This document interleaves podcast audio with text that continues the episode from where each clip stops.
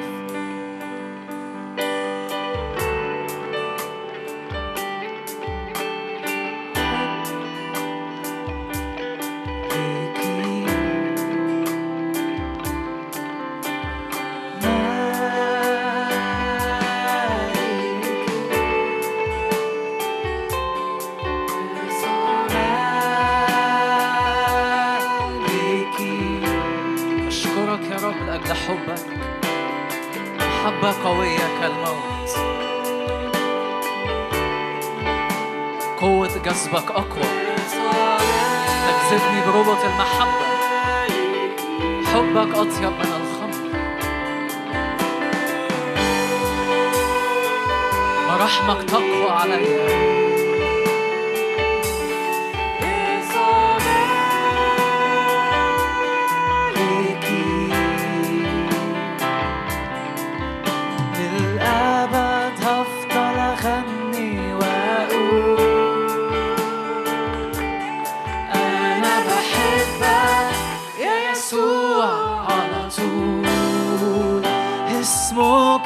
سيدي حلو للشفاء وبروحك.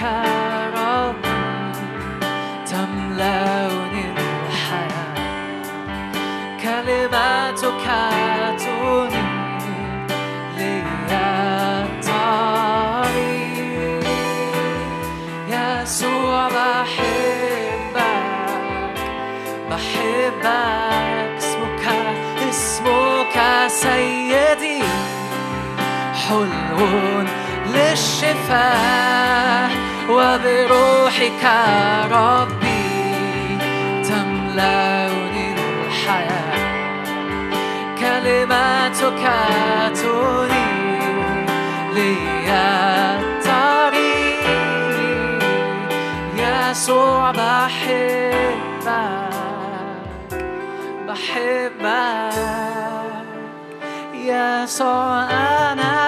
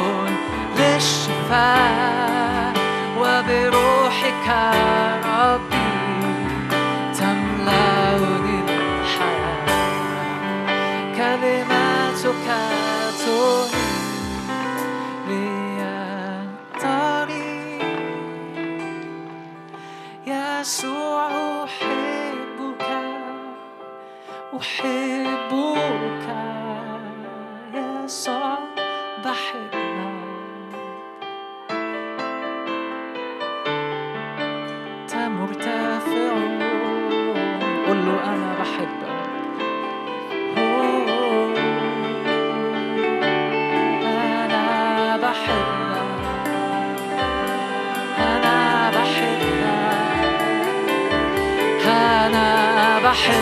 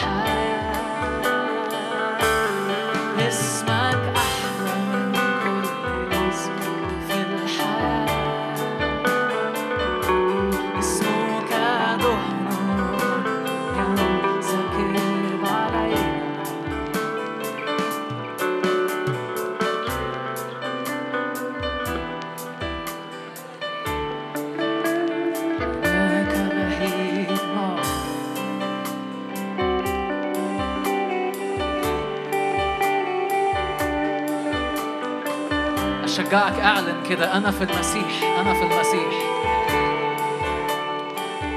فأنا قديس وبلا لوم قدامه في المحبة. قول له أنا قديس وبلا لوم قدامه في المحبة. أنا قديس وبلا لوم قدامك في المحبة. دي كنيسة أبكار مقدسين.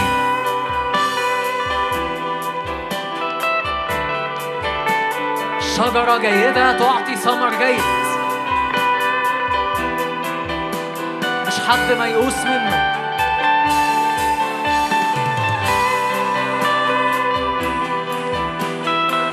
اسمك قوة اسمك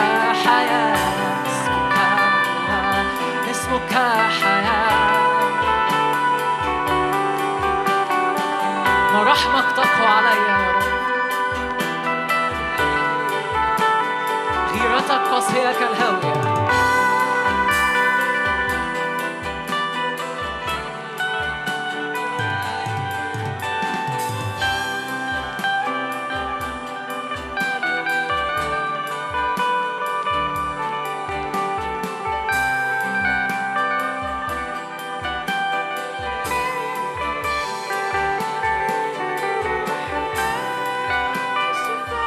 أشجعك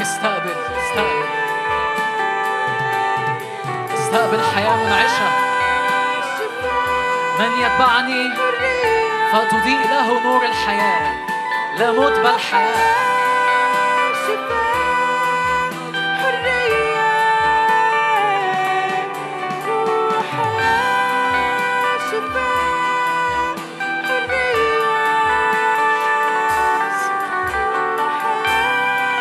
طلع نغمات بالروح.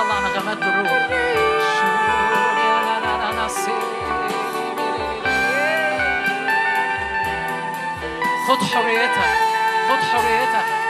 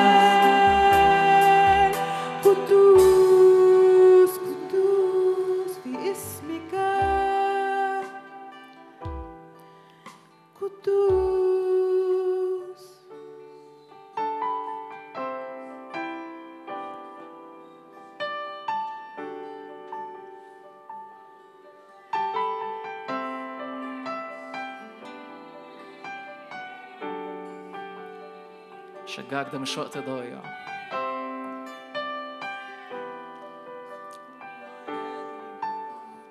ينبغي أن نسجد بالروح وبالحق. أرسل نورك وحقك ليأتي به إلى جبل قدسك ومساكنك.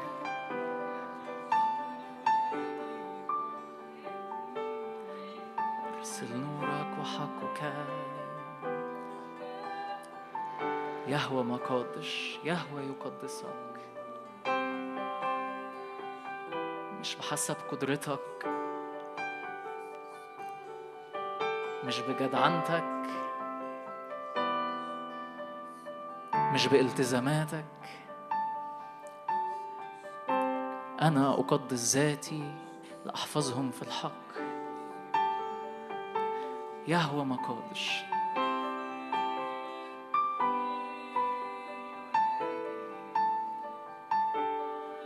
الروح نشيط الروح نشيط. انفض كل حمل وخطية وثقل محيط بنا.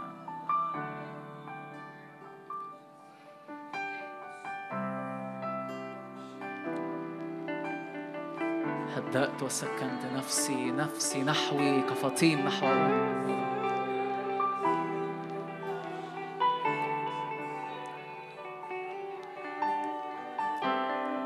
مكتوب كده هدأ العاصفة وخدهم للمرفأ اللي عايزينه. الذين يريدون.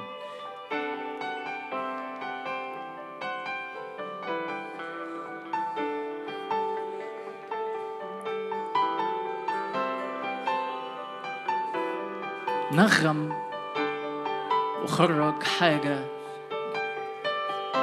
خد راحتك كأنك في البيت محدش شايفك محدش بيدين هنا محدش بيكريتيسايز أي حد.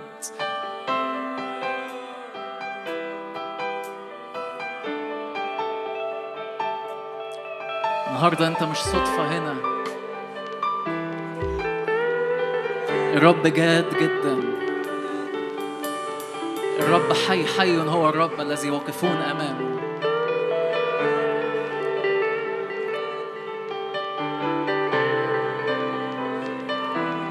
إله حي. تشتاق نفسي إلى الإله الحي.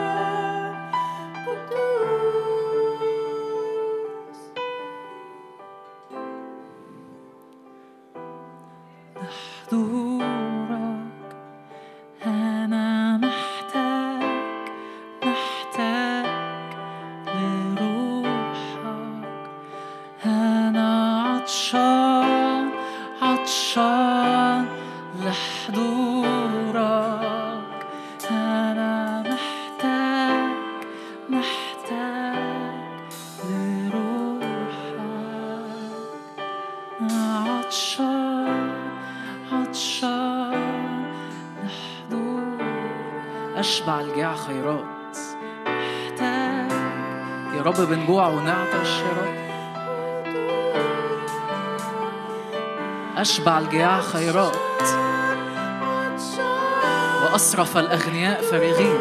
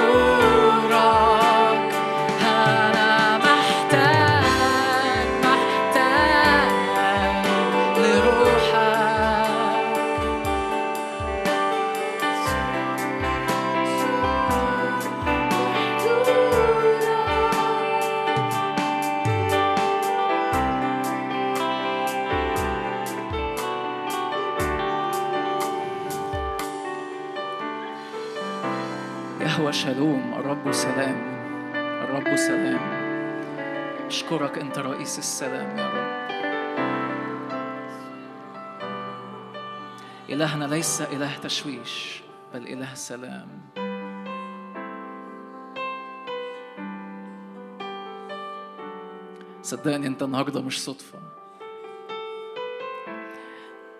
الرب is on a divine appointment divine assignment مهمة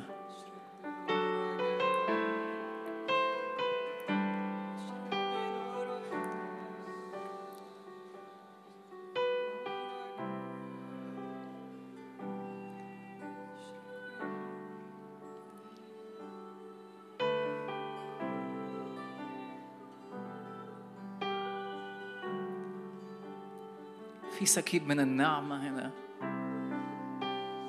غمض عينك.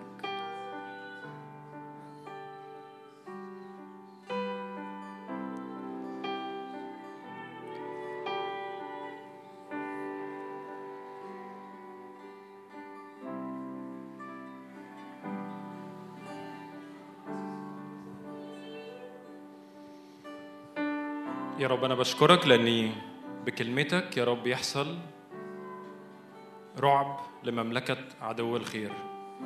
بكلمتك يا رب يحصل حياة تحصل قيامة. أنت ترعب أنت ترعب أنت ترعب يا رب. بنورك يا رب.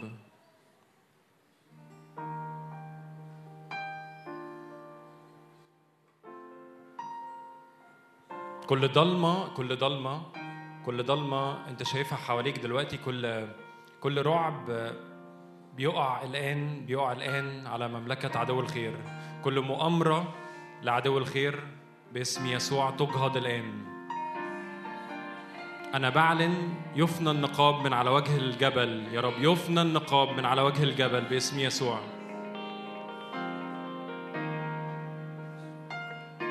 كأن فجأة طبقة تتشال من علينا كلنا باسم يسوع. فعينينا تتفتح فأصواتنا تخرج فنجيب السماء على الأرض باسم يسوع. يا رب طبقة تتشال من علينا دلوقتي باسم يسوع. فعينينا تتفتح يا رب فنجيب السماء على الأرض باسم يسوع.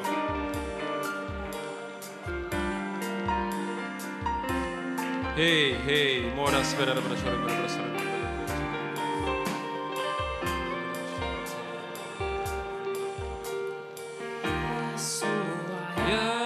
نقف مع بعض كده واصرخ الاسم ده.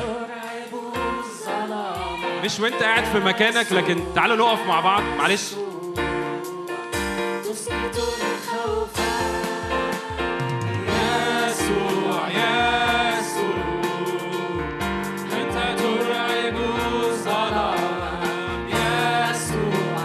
اعلن اسم يسوع اعلن اسم يهوه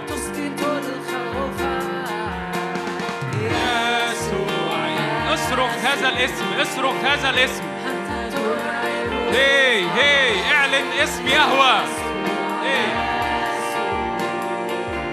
تسقط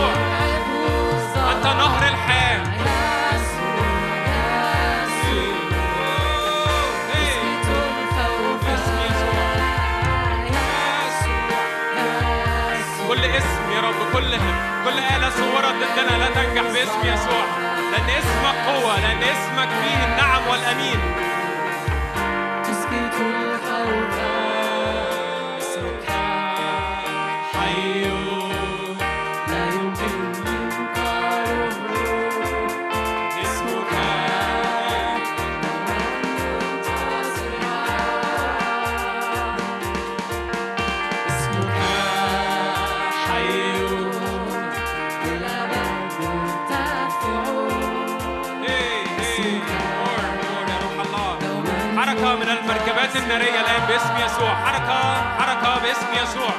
اسمك حي. حياة يا روح الله في القاعة. يسوع. اسمك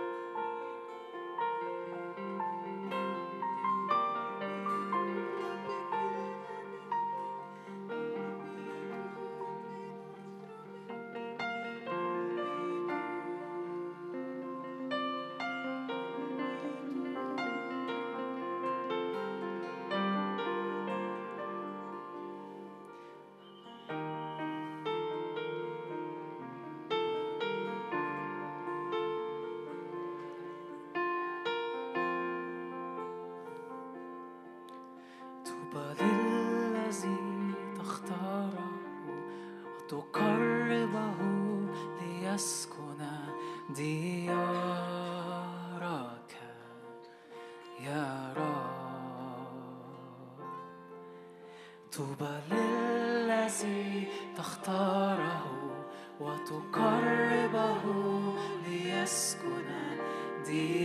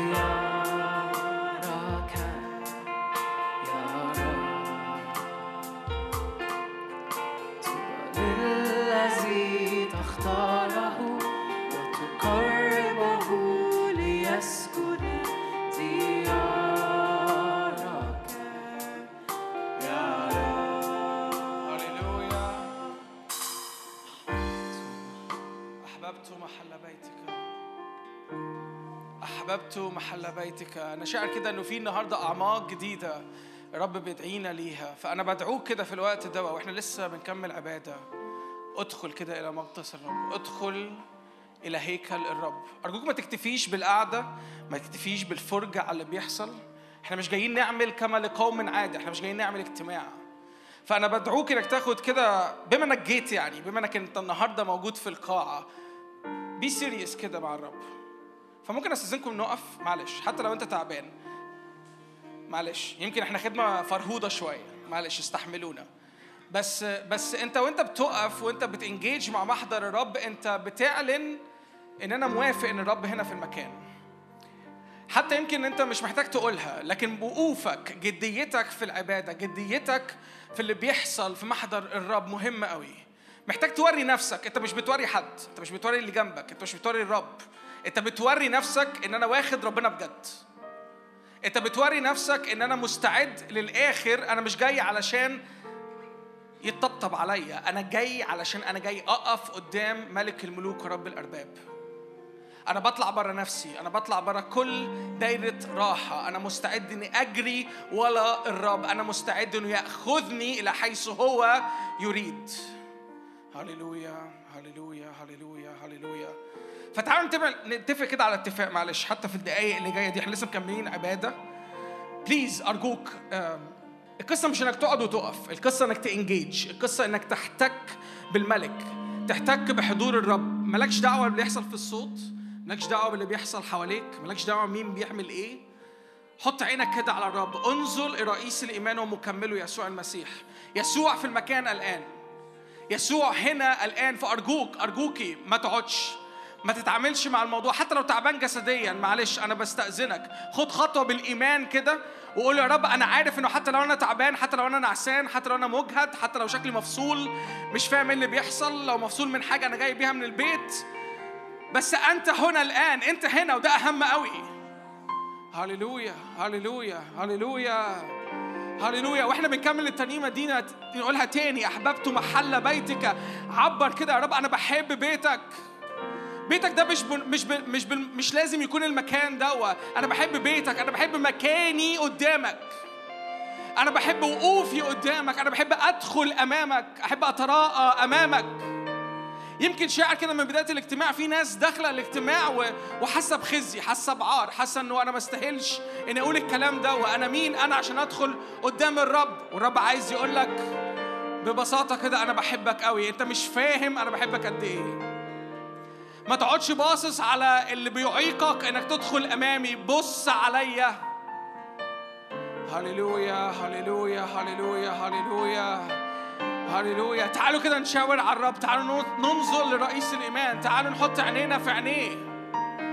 هللويا. في ربط محبة. هو بيربطك بربط المحبة وبيجذبك ليه. ما تبصش على ما تبصش على بيعيقك. ما تبصش على الخطية. ما تبصش على نفسك. ما تبصش على العار ما تبصش على الخزي بتاعك. هللويا. حقا إن الرب في هذا المكان. ما هذا إلى بيت الرب ما هذا إلى باب السماء. ملائكة الرب صاعدة ونازلة على وجه كل واحد فينا.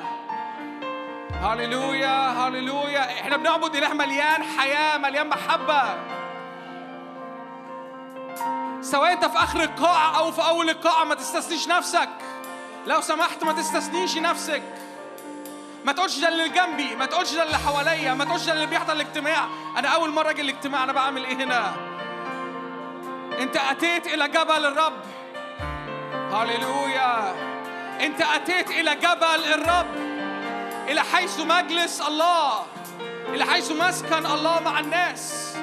هللويا هللويا.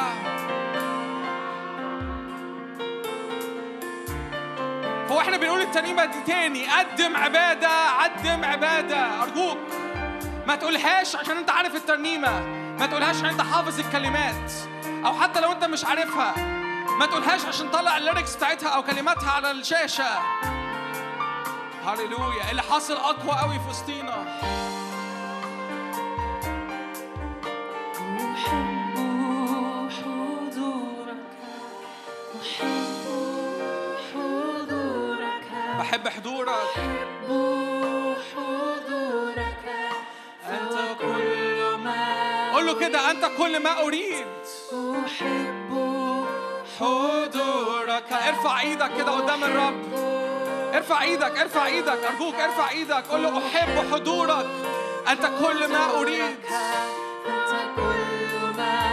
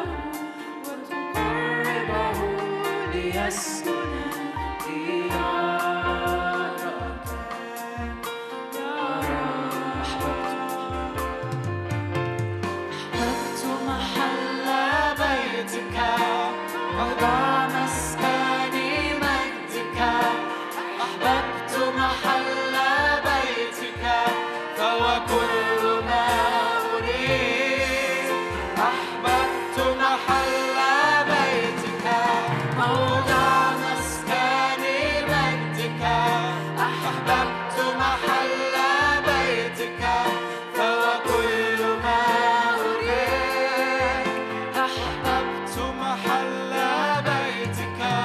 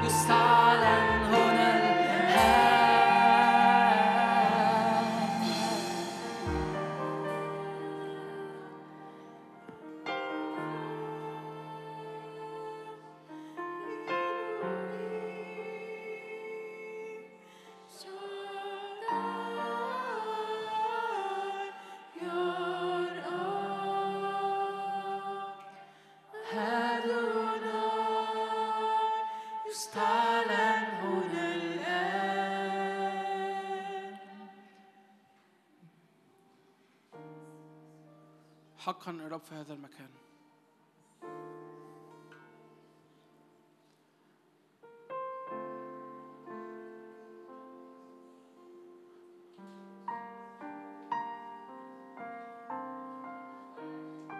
حقا إن الرب في هذا المكان. كأني عايز أنزل لواحد واحد واحدة واحدة. أقول له كده حقا إن الرب في هذا المكان. مش عارف انت فاهم كده ولا لأ بس الرب بيعمل وبيجهز معجزة فيا وفيك. كل مرة بتدخل قدام الرب كل مرة بتقف قدام الرب. في معجزة إيمان بتحصل. بتدعو الأشياء الغير موجودة وكأنها موجودة. فده مش وقت تاني تبص على نفسك ده وقت تشرع تشريعات الرب ده وقت تتفق على الأقل مع اللي الرب عايز يعمله في حياتك. ببساطة اتفق مع اللي الرب عايز يعمله في حياتك. هللويا هللويا. قول يا رب أنا موافق. أنا هنا. أنا هنا. أنا موافق. ليكن ليك قولك لو أنت عارف إنه في أمور معينة الرب عايز يطلقك فيها في حرية ما تستناش لبعد الاجتماع. استقبل دلوقتي. لو في أمور أنت عارف إن الرب عايز يعملها في جسدك استقبلها من دلوقتي ما تستناش لبعد الاجتماع. لو انت عارف انه في اعماق جديدة الرب عايز يقابلك فيها روحيا لأنك جاي من برودة لأنك جاي من بعد لأنك جاي من مسافة بعيدة وتعب وإرهاق. قول له يا رب ليكن ليك قولك أنا بتفق. يس اي اجري I'm standing I'm agreeing. أنا بوافق على اللي أنت بتعمله.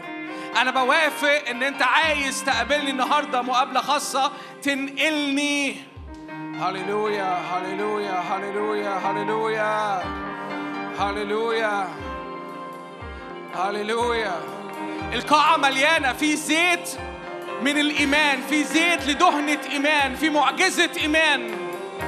ملهاش علاقة أنت جاي من إيه. وكأن الرب بينزعك من كل أمور قديمة بينزعك من كل ذكريات قديمة.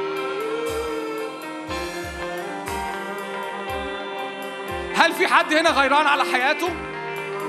هل في حد هنا غيران على حياته؟ أنت غيران على حياتك؟ غيران إن حياتك ما تكملش زي ما كانت؟ أنا مش عارف أنت ساكت ليه؟ لو أنت بجد غيران على حياتك أنت ساكت ليه؟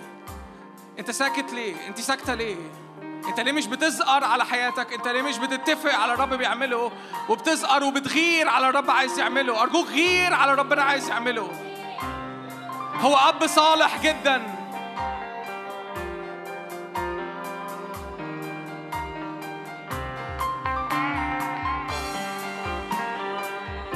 حتى لو حياتك مليانة ضعف دلوقتي اعلن الرب قوة. اعلن كده الرب قوتي الرب نصرتي الرب ملجئي. ليس مثله في كل الأرض.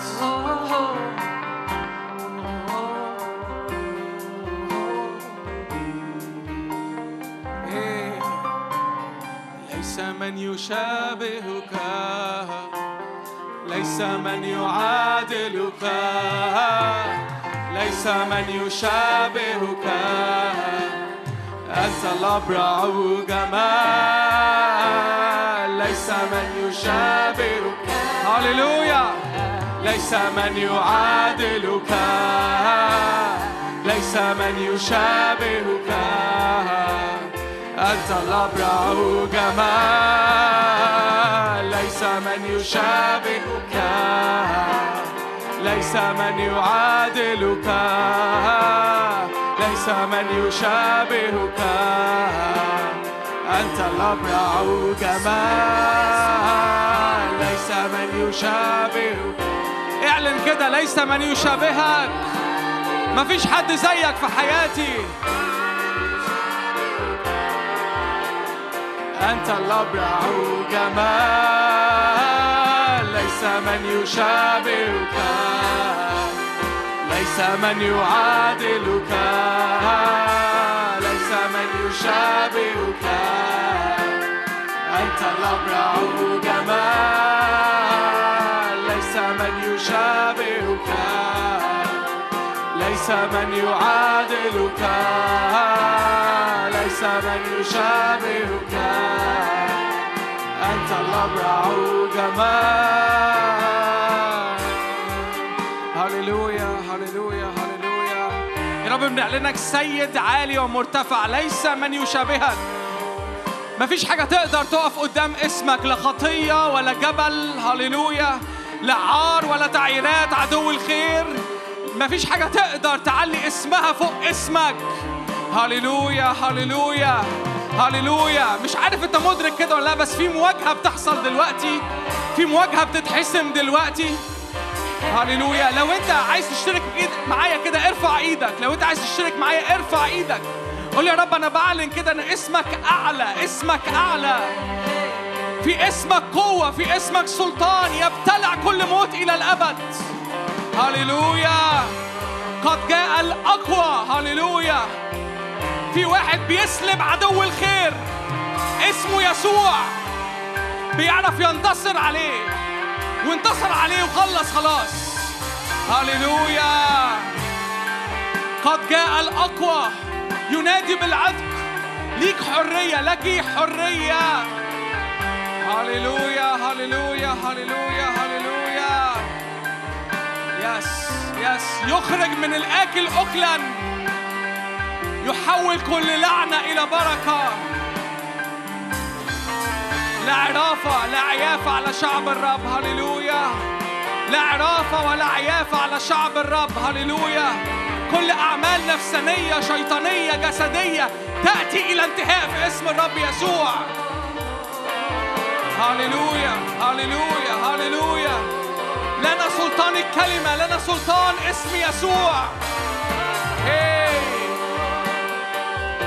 هللويا هللويا يس يس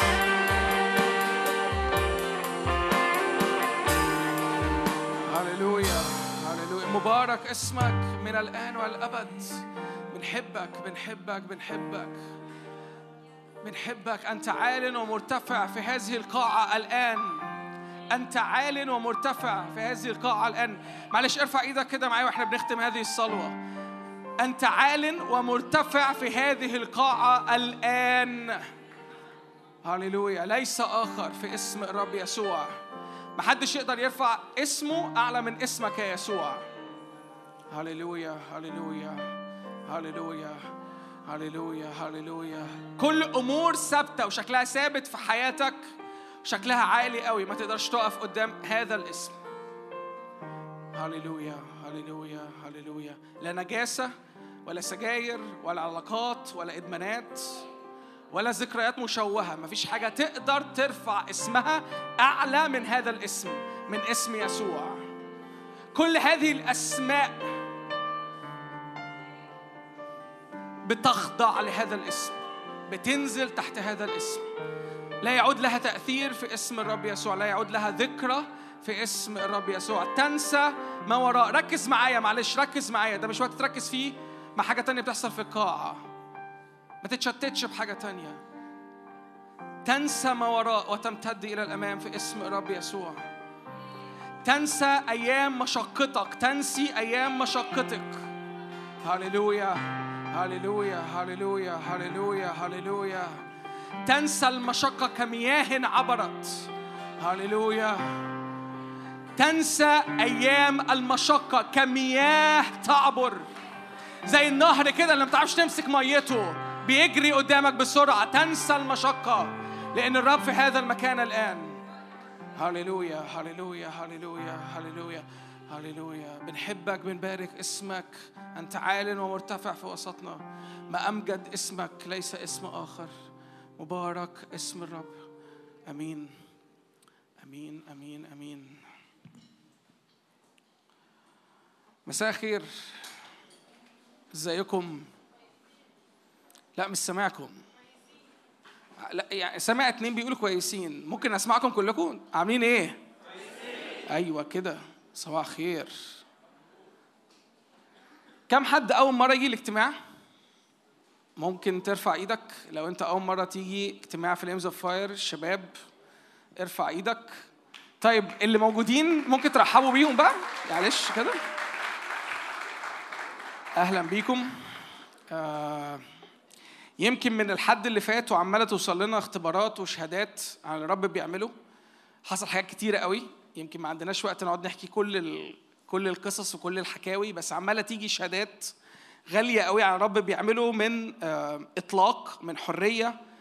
كم حد سمعني؟ سامعيني كويس؟ اللي قاعدين ورا سامعيني سامعيني كويس؟ أوكي. في كراسي قدام للي للي واقف؟ فلو عايز تقعد في كراسي قدام ومش لازم تقعد مع صحابك. ماشي؟ أيوه صباح الخير مساء الفل. ممكن تيجي هنا معانا اتفضل معانا. أيوه مش لازم تقعد مع صحابك عادي جدا. إحنا كلنا صحابك. طيب. عمالة تجيلنا شهادات عمالة تيجي آه، يعني قصص كتير قوي عن الرب بيعمله واللي أنا عايز اكد عليه إنه لسه الرب عايز يعمل حاجات كتير قوي. برغم كل اللي حصل يوم الأحد اللي فات سواء أنت كنت حاضر ولا لأ وانت بتحضر معانا الاجتماع ده ولا لأ بس لسه في حاجات كتيرة قوي في أراضي كتيرة قوي من حرية الرب عايز يطلقها في النفس وفي الروح وفي الجسد. فأرجوك ما تكتفيش حتى لو ما تصللكش معلش لسه إحنا في الجيرني مع بعض إحنا في السكة مع بعض دي رحلة إحنا ماشيينها مع بعض ودي حاجة مستمرة في وسطينا. فسهل قوي إن أنت في أي يوم حد تيجي تتحرك من حد من الخدام وتقول له أنا محتاج صلاة في واحد اتنين وصدق انه الرب عايز يعمل حاجة أوكي؟ بس أرجوك ما تتزنقش في تصلى معاك ولا ما تصلاش معاك. في حاجات بتحصل غالية جدا جدا جدا ببساطة من الصلاة اللي حاصلة من على المنبر. ببساطة شديدة جدا وأنت قاعد في القاعة وبتستقبل الرب بيعمله. بس أنا عايز اكد عليك إن الرب عايز يقابلك مقابلة خاصة. بغض النظر حصل حاجة ولا ما حصلش حاجة الحقيقي والأقوى إن الرب يقابلك. مش أقوى حاجة إن الرب يجي النهارده بشفاء. أقوى حاجة هتحصل النهارده إن الرب يقابلك ويلمس أعماقك. صدقني دي أغلى حاجة دي الحاجة الثابتة. في ناس كتيرة جدا على مدار سنين طويلة شفتهم قبلوا شفاء وفي الآخر ما عرفوش يحافظوا على الشفاء دوت ممكن رجع لهم تاني حاجات تانية. هل ده بسبب إيه؟ في أسباب كتيرة قوي لا داعي لذكرها دلوقتي مش وقته. لكن اللي عايز أكد عليه إن اللي بتثبت فيه واللي بيثبت فيك هو الرب الحالة المستمرة من الحرية والحالة المستمرة من تعاملات الرب معاك أساسها وضمانها إنك متعامل طول الوقت مع مين؟ مع الرب نفسه. إحنا مش داخلين قدام الرب عشان عايزين بس شفاء في حاجة معينة ولا عشان بس عايزين تعامل نفسي في أمر معين ولا عشان عايز أطلق حرية في شيء ما. أنا داخل قدام الرب طول الوقت وعايز أكمل طول الوقت قدام الرب لأن هو source of life هو مصدر الحياة. أنا بعيد عن هذا المصدر أنا في حالة موت. بعيد عن هذه الحالة أنا في أرض موت. أنا حاطط نفسي عرضة لكل أمور عند عدو الخير عايز يلطش فيا بيها. وصدقني عدو الخير يعني مش كسلان ولا هو شخص أنت مش فارق معاه أنت فارق معاه قوي حتى لو أنت حياتك مش فارقة معاك. لو أنت مسترخص حياتك عدو الخير مش مسترخصها. الحقيقي الحقيقي الحقيقي إن عدو الخير شايفك غالي. فما بالك بالرب. ده الحقيقي. لو عدو الخير بيعمل كل المجهود ده عشان تفضل في الحالة دي من الاكتئاب أو عشان تفضل في الحالة دي من أفكار انتحار أو علشان طول الوقت تكون عايز مصدر سعادة تاني أو مصدر انتعاش تاني بره حضور الرب ما بالك باللي الرب بيعدهولك وبيجهزهولك لو إبليس عامل كل المجهود ده عشان حضرتك وانت بتعدي يومك كل يوم وبتحس انه عادي اهو يوم وعدى رخيص ملوش لازمة. يا رب صحيني بكرة على وخلاص مش مهم النهارده يخلص. في ناس عايشة كده في ناس عايشة أيامها يلا اليوم يخلص عشان بكرة يجي وأشوف إيه الجديد. أنا الوقت شخصيا كنت عايش كده. كنتش قادر أعافر مع الحياة ما كنتش قادر أعافر مع مواجهات الحياة لأن حاسس الحياة أكبر مني. فأنا مين أنا عشان أواجه هذه الحياة بتحدياتها؟ فاليوم يعدي ونبقى أنجزنا وخلصنا حاجة. الرب على قلبه مقاصد إلهية ليك باسمك. أنا مش بتكلم إنك تخدم. أنا مش بتكلم إنك تيجي هنا تقف على المنبر. أنا بتكلم إن في مقاصد إلهية على حياتك. الرب عنده قصد على حياتك. والخدمة مش مقتصرة على ده. وجودك أصلا في الحياة إنك بتتنفس كل يوم وإنت في اتفاق مع الرب هو إدراك لحالة معينة إن الرب حي فيك. والإدراك ده في حد ذاته هو علاقة مستمرة أنت فيها بتدخل في علاقة من بارتنرشيب من شراكة مع الرب. الشراكة دي بيطلع منها حاجات كتيرة قوي. والشراكة دي بتؤهلك كل يوم حتى لو أنت مش مؤهل. والشراكة دي بتجهزك كل يوم حتى لو انت مش مجهز. حتى لو انت امبارح أهنت جسدك وأهنت روح الرب اللي فيك. رب كل يوم في كل صباح عايز يشتغل بيك لمجد اسمه مش تخدم بس عايز يطلع منك مجد لمجد اسمه. عايز يطلع منك إظهار للاتحاد وللشركة اللي ما بينك وما بينه. تخيل لو عدو الخير بيعمل كل ده عشان تفضل في الحالة دي من الظلمة والحالة دي من الانفصال. معلش. يعني أنا مش عارف أنت هل قبل كده أدركت هذا ولا لأ. لو عدو الخير عامل كل المجهود ده علشان كل حاجة حواليك من ميديا ومن آه، آه، مؤثرات ومن مجتمع ومن علاقات تكون بتشدك لحالة من الظلمة. تيجي أنت تسترخص نفسك في الآخر؟ تيجي أنت تقول أنا مش مهم؟ يومي مش مهم وقتي مش مهم. أعتقد إن الرب بجد بجد مفيش حد هنا في القاعة موجود صدفة. معلش استحملوني أنا بهش دبان كتير بس هو هنا على الستيج في حالة كده من ال من الذباب اللذيذ. آه. ف اللي عايز أكد عليه واللي عايز أبتدي بيه الاجتماع النهارده كل حد هنا في القاعة في قصد على حياته. أرجوك أرجوكي ما تسترخص القصد دوا ما تقولش عادي. ما تقولش it's okay إنك تساوم على هذا القصد. القصد ده الرب عايز ياخدك من حالة لحالة. الرب عايز ياخدك من طريقة لطريقة من lifestyle أنت عايش بيه لشكل تاني تماما لشكل أيامك وتفاصيل حياتك.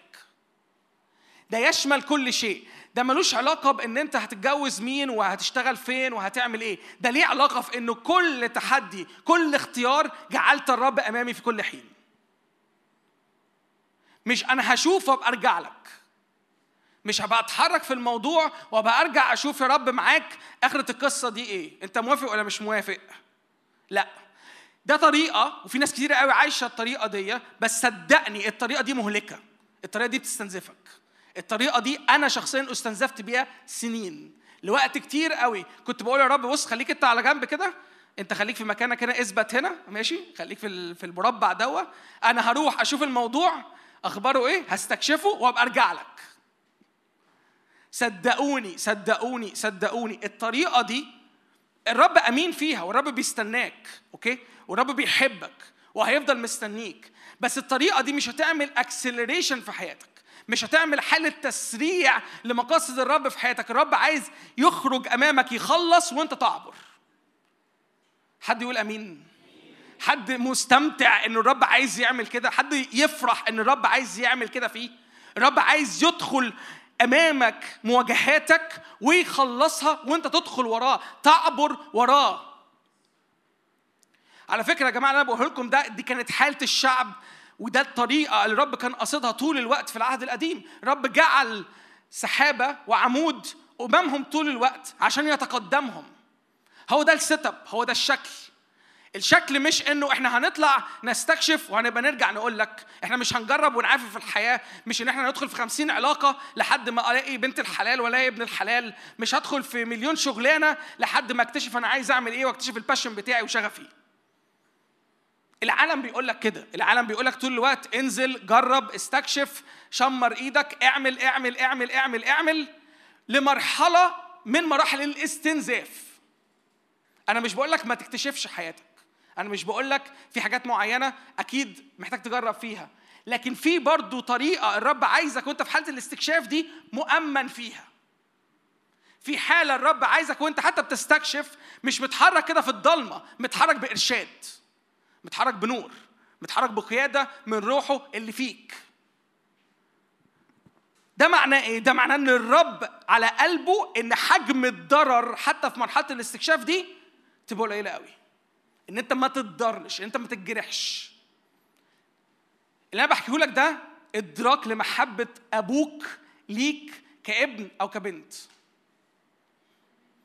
هو ليه الدرجة دي قلبه عليك إنه أنت حتى وأنت بتدخل في علاقات بتتقدمه وما بتتحركش ما بتجريش ما بتسبقش اللي الرب بيعمله.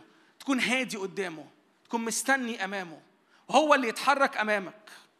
وفي كل مرة أنت بتتحرك حركتك على حركته رجلك على رجله. لا أنت سابقه ولا أنت مأخر نفسك عنه. آمين؟ هللويا. افتح معايا كده أشعيا 43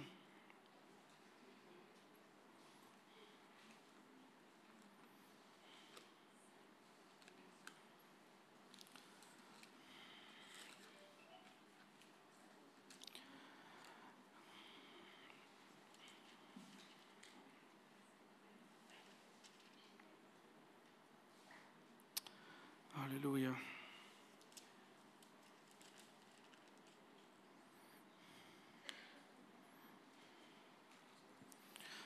أول نقطة عايز أشاركها معاك النهاردة تعالوا نقراها مع بعض كده في أشعيا 43 من أول عدد 18 إحنا عندنا للناس الجديدة عندنا كده تقليد إحنا بنقرأ مع بعض صح؟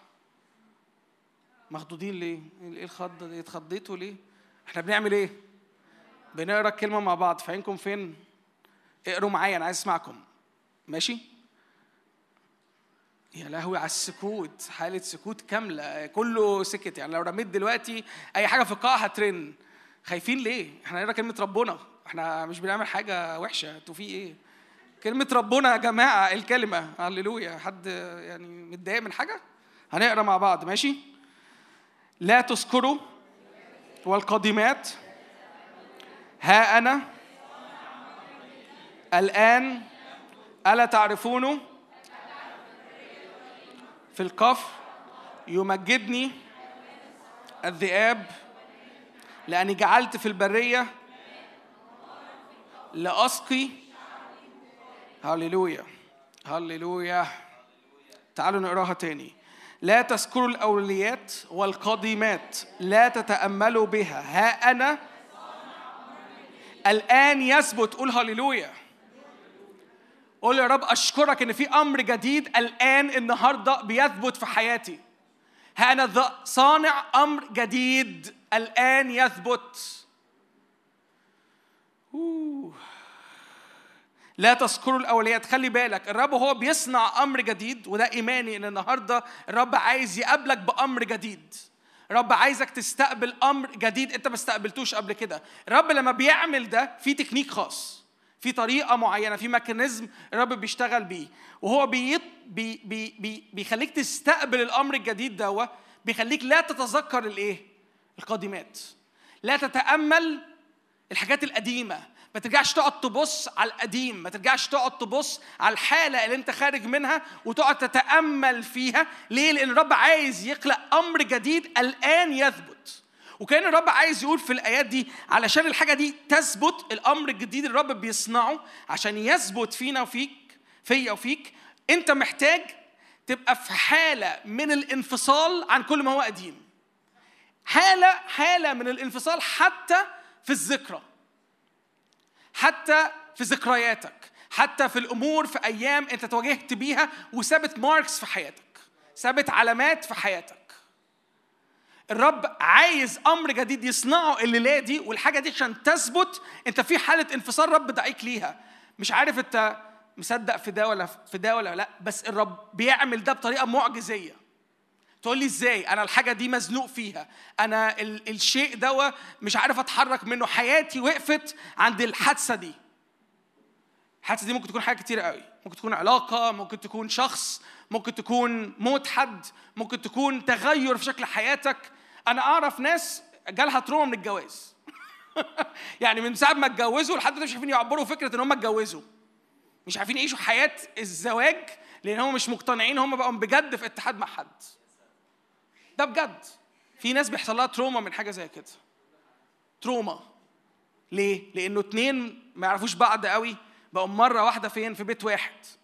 فطباع مختلفة تربية مختلفة شكل مختلف. أتعامل إزاي مع الشخص دوت مش عارف أتعامل معاه من أول أسبوعين ثلاثة trauma. عارفين يعني trauma؟ صدمة. حالة من الصدمة تخلي الواحد في شوك.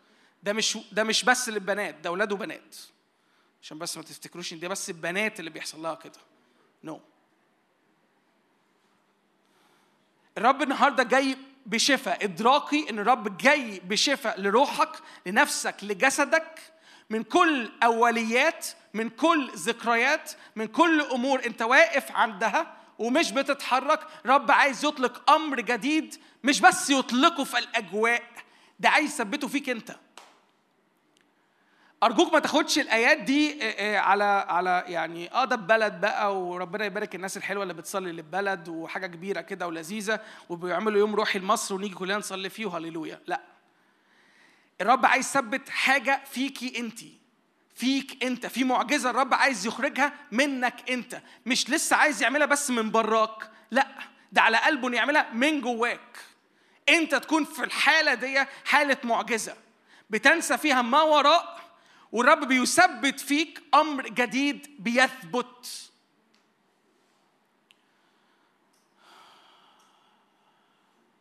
مش عارف انت متشجع لده ولا لأ. مش عارف انت غيران لده ولا لأ. بس أنا غيران جدا على الحاجة اللي الرب عايز يعملها النهارده فيك فارجوك تاني. ما تستسيش نفسك. ما تستثنيش نفسك. ما تقولش أنا على جنب. ما تقولش الحاجة دي مش بتاعتي. ده حاجة الرب بيطلقها فينا. أنتوا عارفين إنه شهر 8 اللي إحنا فيه ده بيقولوا كده في ال... يعني في تحليل الأرقام إنه ده اللي بيجي بعد رقم سبعة. رقم سبعة ده رقم الكمال صح؟ آه شفتوا إزاي؟ بيجي رقم رقم سهلة. عارفين رقم سبعة ده بتاع إيه؟ ده بتاعت الحاجة اللي خلصت الحاجة اللي انتهت الحاجة بقت كاملة. رقم سبعة دي اليوم اللي الرب أنهى فيه كل خليقة الأرض صح؟ يوم الراحة اليوم اللي الحاجة تمت فيه. أكمل فين؟ في اليوم السابع ده خلصت. رقم ثمانية بيتقال عليه دايما البداية الجديدة. فشهر ثمانية انت ينفع جدا تستقبل انه شهر ثمانية شهر بجد للبداية الجديدة. كان الرب خلص season وفي season جديد هنبتديه. تقول لي ده شهر 8 كئيب قوي وحر قوي وأنا عمال اعرق قدامكم ما هو الدنيا صعبة. أقول لك خلي بالك ان عدو الخير أنا قلت لك هو شايفك غالي. هو أكيد مش هيبقى عارف ومدرك انه ده موسم بداية جديدة ومش هيحاول يجهد الموسم ده في بدايته. خلي بالك عدو الخير طول الوقت بيحاول إن الحاجة تتقتل من بدايتها عشان أنت ما تاخدش أي خطوة إيمان في السكة اللي الرب عايز يعملها. فاستعدوا شهر 8 مهم قوي وإحنا في بدايته. الشهر ده مهم بجد. الشهر ده في ناس كتيرة مننا لو مركزة وحاطة وجهها قدام الرب هتعبر لبدايات جديدة.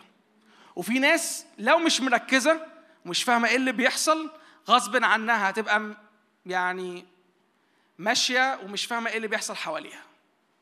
مش مدركة للآخر الصورة. الصورة إنه فعلا الشهر ده رب عايز يثبت أمر جديد الآن.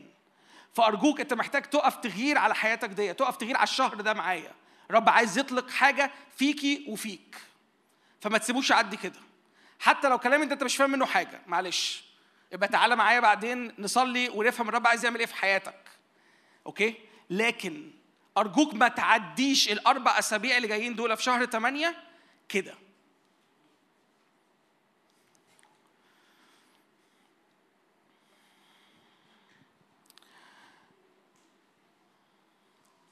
واحدة من الحاجات اللي أنا مصدق الرب عايز يعملها في الشهر دوا هو إدراك المجد.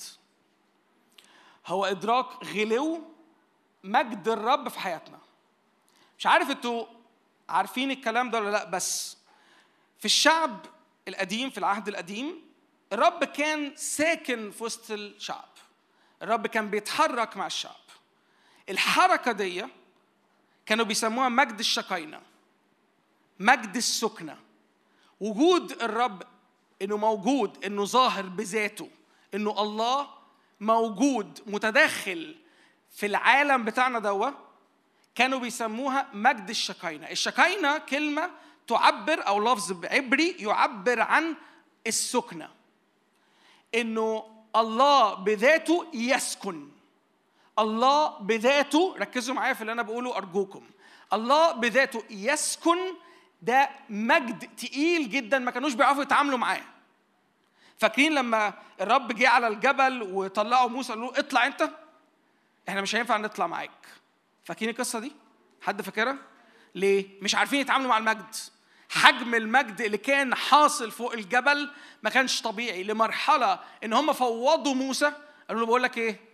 أنت تنتدب. أنت تطلع بالنيابة عننا. إحنا مش عارفين نتعامل مع هذا الشيء اللي بيحصل من رعود وبروق وضباب وحضور إلهي حاصل فوق الجبل. عمرنا ما شفنا ده حاصل. إحنا جايين من مصر.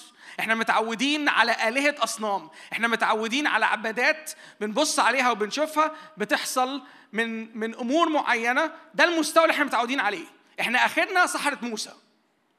إحنا آخرنا سحرة موسى. سحرة فرعون أنا آسف. ده آخرنا. ما نعرفش نتعامل مع حاجة تانية. آخر maximum limit ممكن نشوفه في الحاجات اللي فيها حاجة supernatural هو إن نشوف كهنة فرعون بيحولوا عصيان لإيه؟ لتعابين ده قمة ال level بتاع السحر اللي كنا عارفين نتعامل معاه. إحنا بقى مش فاهمين ده إيه. اللي بيحصل فوق الجبل ده ده سحر؟ ولا ده حاجة حقيقية؟ ولا ده فيلم كريستوفر نولان الجديد أوبنهايمر؟ ولا ده إيه؟ إحنا مش فاهمين. مش عارفين نتعامل معاه. ده حاجة إحنا مش فاهمينها. فيا موسى لو سمحت اطلع أنت. أنتوا باصين لي وساكتين كده ليه؟ باصين لي وكلكم وشوشكم يا عيني مندهشة. مركزين بجد؟ ده تركيز ولا ده ضحك ولا ده قولوا لي يعني فكوا معايا أنا تمام يعني. أنا عايز منديل ممكن منديل؟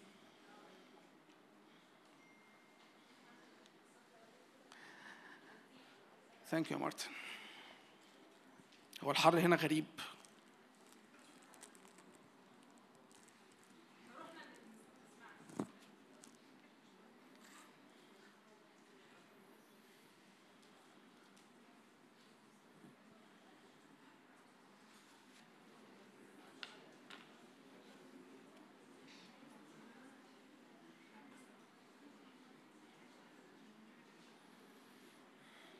افتحوا معايا كده خروج 14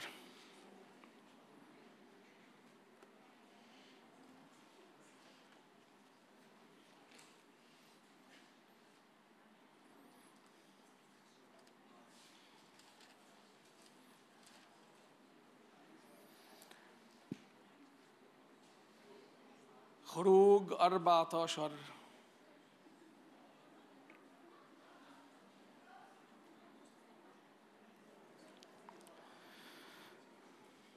وصارت همهمة جميع. يعني في صوت عالي في القاعه أنتوا مكملين كلام ولا قولوا لي طب معاكم. يعني اشركوني في الحوار. طيب. خلونا نفتح كده خروج 14 عدد 24 الإصحاح ده ببساطة بيحكي عن المشهد بتاع خروج شعب الرب من أرض مصر. وكلنا عارفين إنه البيك بتاع الستوري دي بتاعت القصة دي هو أكيد شق البحر صح؟ حد مش عارف المعلومة دي؟ دي أعلى حتة. يعني لو في كده أعلى حتة في المزيكا بتلعب هي دي أعلى حتة. بس في حتة كده أنا أنا وأنا بقرأ النهارده كنت بحضر للكلمة واتخضيت قوي منها. خلينا نقرأ كده من عدد 24 وكان في هذه هذه الصباح أن الرب أشرف على إيه؟ في عمود النار هللويا. وخلع حتى سقوها فقال المصريون أنتوا مركزين في الكلام؟ مركزين في الآية؟ معلش ممكن أقراها تاني؟ وكان في هذه الصباح ماشي؟ المشهد إحنا في في أول حتة من الصبح. معلش ركزوا معايا please ركزوا معايا. إحنا في أول الصباح. أن الرب أشرف على عسكر الإيه؟ المصريين. في عمود النار والسحاب المصريين تعاملوا مع قوة الحضور. يعني مش بس شعب الرب اللي تعامل مع الحضور. thank you جيش فرعون التعامل حصل تعامل إنجاز التعبير مع عدو الخير في حياتك اختبر المجد ده. اترعب من قوة حضور المجد اللي في حياتك. ده لو انت خدت الكلام ده النهارده وطبقته عليك انت في حالتك كم حد هنا عارف انه هيكل الرب لو انت عارف انك هيكل للرب ارفع إيدك. هيكل للرب. كم حد عارف ان الرب قال انه أنتم هيكل وأنا بسكن فيكم؟ كم حد مدرك ده؟ انت مدرك انه حضور الرب اللي في حياتك بيرعب كل جيش فرعون طالع أمامك عشان يبتلعك؟ كل جيش فرعون بيحاول يزنقك في البحر ويقول لك مالكش مفر مالكش مكان تاني تهرب بيه. أنا خلاص حاوطتك من كل حتة سواء بإدمانات بأمور جنسية بعلاقات بتفشيل في الجامعة ايا من كان بعدم وجود قيمة باكتئاب.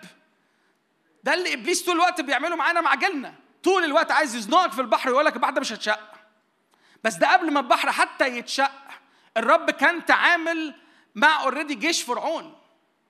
لدرجة إنه عمل إيه؟ بصوا في هذه الصباح أن الرب أشرف على عسكر المصريين في عمود النار والسحاب. أزعج عسكر المصريين. في حصل انزعاج في معسكر المصريين. وخلع ب- بكر مركباتهم. يعني البكر بتاع عجلاتهم الحربية عمود النار والسحاب. خلع ركزوا أرجوكم في الكلام اللي بيتقال.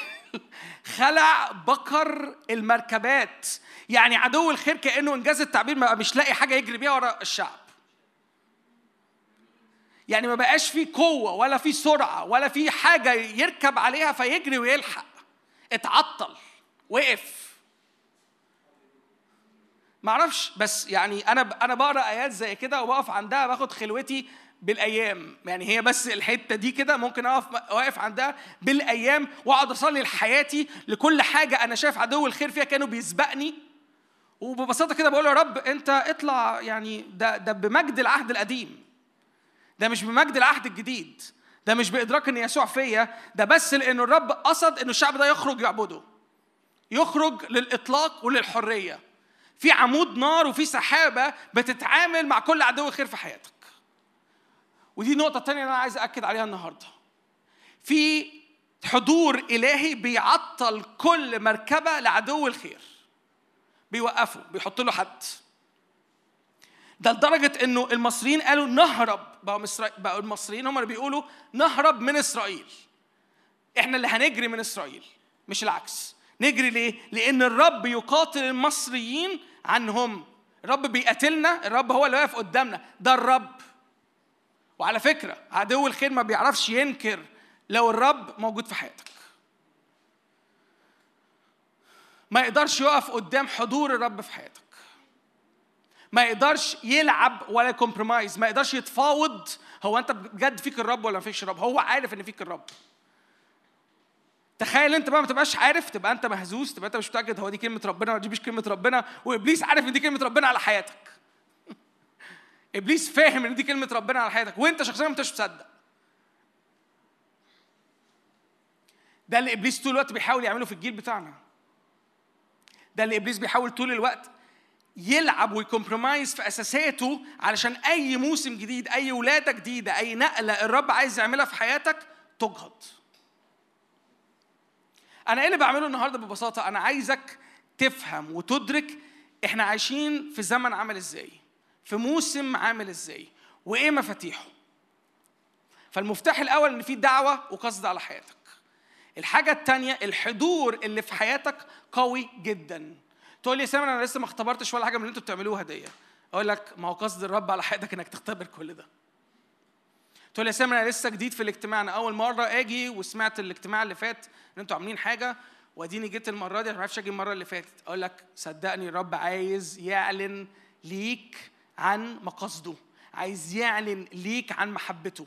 عايز للآخر يقول لك أنت لي وأنت قدس ليا. أنا عايز أسكن فيك. أنا عايز أكون أنا وأنت partners واحد.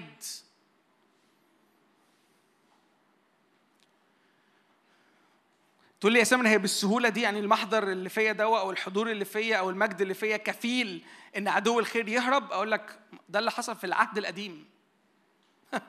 ده اللي حصل في المستوى بتاع العهد القديم. أنتوا عارفين العهد القديم مستواه كله بمعجزاته أقل بكتير قوي من اللي إحنا فيه النهارده. أنتوا مدركين ده؟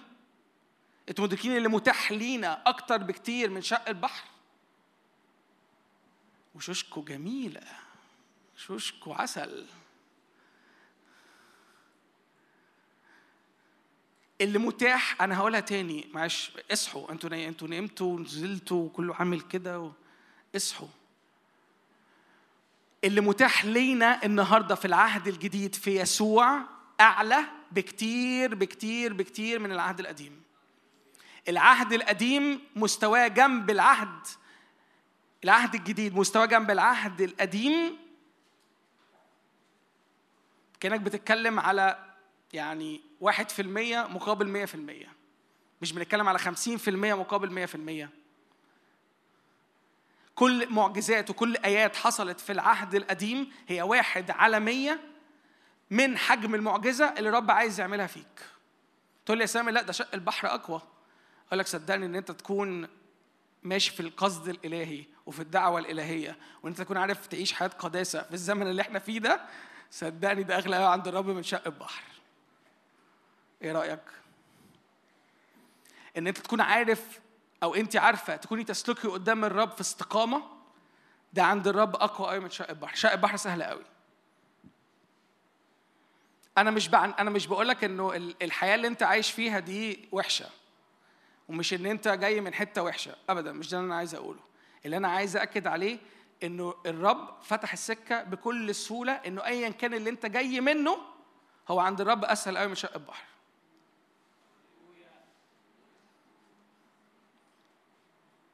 ايا كان اكتئاب ايا كان إدمانات ايا كان عادات ايا كان علاقات أسهل قوي عند الرب وأغلى قوي عند الرب وأقوى قوي عند الرب ومستعد إنه يدخل في كل مواجهة من دول. إن أنت تكون عايش حياه الأبدية على الأرض ده عند الرب أغلى قوي قوي قوي قوي من أي حاجة تانية. دي مقاصد الرب عايزك تسلك فيها. دي حياة أبدية هو بنفسه جه على الصليب من 2000 سنة وأتم ليك العمل. ركز معايا معلش ركز معايا. أتم ليك العمل على الصليب عشان تعيش الحياة الأبدية دي النهارده مش في السماء. دي ليك النهارده.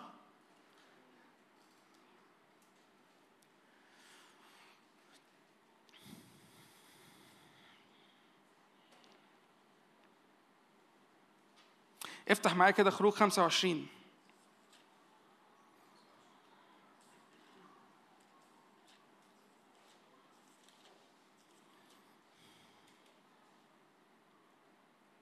عدد ثمانية فيصنعون لي مقدسا لأسكن بحسب جميع ما أنا أريك من مثال المسكن ومثال جميع أنيته هكذا تصنعون. معلش يصنعون لي مقدسا لأسكن. الرب من الأول خالص قصده إنه يسكن. الرب من أول خالص من أول القصة. أنا بقرأ لك من خروج بس أنت ممكن تتتبع القصة دي من أول ت... من أول تكوين لحد رؤية. وأنا هعدي على كذا آية من دول النهارده. بس قصد الرب من البداية إن المجد يسكن إن الشكينة دي في حالة سكنة مش في حالة زيارة مش في حالة مقابلة. أنت بتتقابل معاها عشان جيت اجتماع والفل... الاجتماع الفلاني ولا الخدمة الفلانية. no no no no ده مش حاجة حصرية مع حد. دي حاجة حصرية معاك مش مع خادم مش مع شخص مش مع واحد واقف على منبر. ده مجد الرب عايز يسكن بيه فيك. عايز يفيض من تتبعات المجد دي كانه المجد ده عنده ويفز وعمالة تطلع وعمالة تؤثر على كل حاجة حواليك والرب عايز للآخر يسكن بهذا المجد فيك. صدقني أنا عارف كويس قوي أنت ممكن تبص لنفسك وتقول أنا ما استاهلش. يعني أنا أنا ما ينفعش أكون سكنة للمجد ده. أقول لك بص مش أنا اللي بقول ده الرب اللي بيراهن إن أنت تصلح للسكنة. ده مش سامر اللي جاي لك عشان واقف على منبر فبيقول لك كلمتين. أنا مش بحاول أثبتك ولا يعني زي ما بيقولوا كده إيه يعني أثبتك في مكانك. نو no. أنا بقول لك الحق اللي موجود في الكلمة دي اللي ممكن يكون إبليس بشكل كبير قوي بيحاول بطرق كتيرة يكذب عليك في هويتك وفي قيمتك وفي إدراكك أنت مين لحد ما توصل لمرحلة مش مصدق مش مدرك إن المحبة للدرجة دي. المحبة لدرجة إنه عايز يسكن والمجد يفيض. يا جماعة بصوا ال ال ال لازم تدركوا إنه في حالة السكنة دي ده مجد. إنه يهوى الرب الإله خالق السماوات والأرض لما يبقى عايز يسكن فيك دي حالة من المجد دي حاجة من الأونر دي حالة من الجلوري اللي ممكن ذهنك وذهني ساعات كتير قوي مش بيبقى مستوعبها. دي حالة من إن الرب عايز يتحد بيك فيبقى اللي خارج منك مش أنت ولا حياتك. دي تبقى حياة الرب على الأرض. عارفين ده حصل مع مين قبل كده؟ مين ده حصل معاه قبل كده؟ حد مسيحي هنا؟ على رأي دكتور نادر مع المسيح هو المسيح كان إيه غير صورة لاستعلان الله على الأرض يسوع المتجسد الكلمة المتجسدة الكلمة صار إيه وإيه يا شكرا إن أنتوا حافظين. يسوع جه على الأرض من 2000 سنه مثال ليا وليك لشكل المجد اللي الرب عايز يخرجه مننا. مثال لشكل تأثير المجد الشكاينة اللي جه في العهد القديم وكان على التابوت بين الكروبيم وكان لما كانوا بيتعاملوا معاه الكهنة كانوا لازم يعني بمسافة ما يقدروش يخشوا يتقابلوا مع هذا المجد وجها لوجه. كانوا محتاجين ياخدوا محاذير كتيرة قوي لأن المجد ده لو تعدوا على حدوده ممكن إنائهم الجسدي ما يستحملوش. ممكن يتشدوا كانوا بيربطوهم لما يدخلوا كده علشان لو تعدوا حدودهم مع المجد اللي منسكب في قدس الأقداس يتشدوا لبره. أنت مدرك إن المجد ده for free بقى فيك النهارده؟ for free المجد ده اللي كان بيرعب اللي كان بيخوف عدو الخير قبل شعب الرب. اللي شعب الرب عشان كان يتعامل معاه كان لازم يكون في لياقة كاملة. انت متخيل إن المجد ده النهاردة فيكي؟ في حياتك؟ المجد ده عايز يطلع في علاقاتك؟ المجد ده عايز يطلع في الواتساب بتاعك؟ المجد ده عايز يطلع في الصور ال selfies اللي بتصوريها؟ يعني لما تتصوري ما تشوفيش نفسك تشوفي إيه؟ يا إلهي. يا إلهي. أنا بتكلم بجد. معلش أنا مش بأفور. أنا بتكلم بجد. أنت مدرك يعني إيه أنت بتصور نفسك صور سيلفي وتبقى مش شايف نفسك تبقى شايف صورة للمجد المتجسد؟ شايف نفس شايف شايف في جسدك ده ادراك إن أنت وعاء حي لمجد سماوي الرب عايز يخرجه للآخر منك؟ أنا اللي بقوله ده أنت ممكن تطبقه على أي حاجة في حياتك أنت عارف إن هي معصلجة. انت عارف ان هي مش متغرقة بالمجد. انت عارف ان هي مش متعمدة في المجد. انت عارف ان هي مش متقابلة مع المجد. انت محتاج تدرك كده ان كل حتة في حياتك الرب عايز يسكب عليها هذا النوع من المجد ويغطيها. فما تبقاش انت ظاهر ولا الضعف ده ظاهر يبقى إيه اللي ظاهر؟ يسوع. تقول لي يا سامر أنا في الحتة الفلانية دي ضعيف. أنا في الأمور النجاسة دي على طول بقع. أقول لك ببساطة كده معناه إن الحتة دي قداستك لسه ما تقابلتش مع مجد الرب. تقول لي يا سامر أنا في العلاقات أنا بقعد أدخل في علاقات. أنا ما أعرفش أقعد لوحدي كده أنا عايز طول الوقت أبقى مع حد وعايز أبقى طول الوقت طول الوقت مع واحدة. أقول لك يبقى أنت في حاجة ليها علاقة بشبعك الداخلي ما تقابلتش مع مجد الرب. في حاجة ليها علاقة بقيمتك ما تقابلتش مع مجد الرب يمكن بتدور على قيمتك طول الوقت مع ناس. تقول يا سامر أنا طول الوقت البيت فيه إزعاج. طول الوقت البيت منزعج. طول الوقت في خناقات مع بابا وماما. طول الوقت مش بنعرف نتفاهم مش بنعرف نتكلم. عارف ده معناه إيه؟ أنت مش رافع إيدك للبيت إنه يمتلئ بمجد الرب.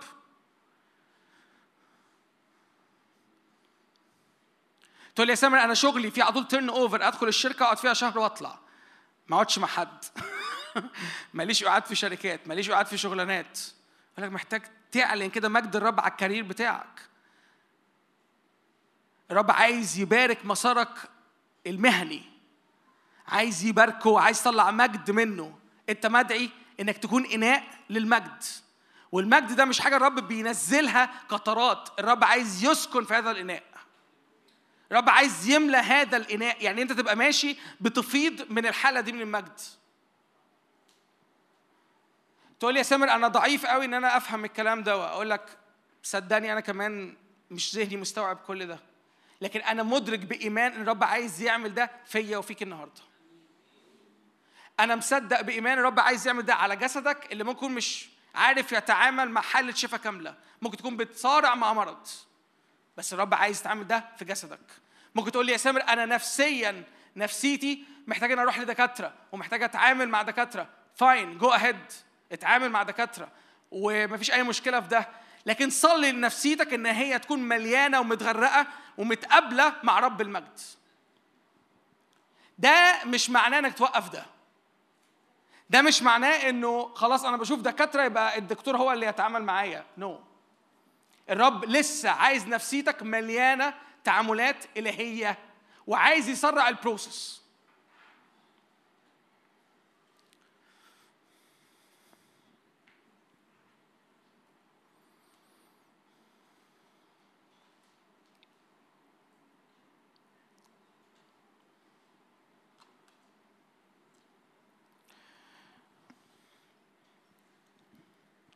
ما تسيبش فرصة فيها تعامل مع مجد الرب أرض فيها تعامل مع مجد الرب وتتخلى عنها.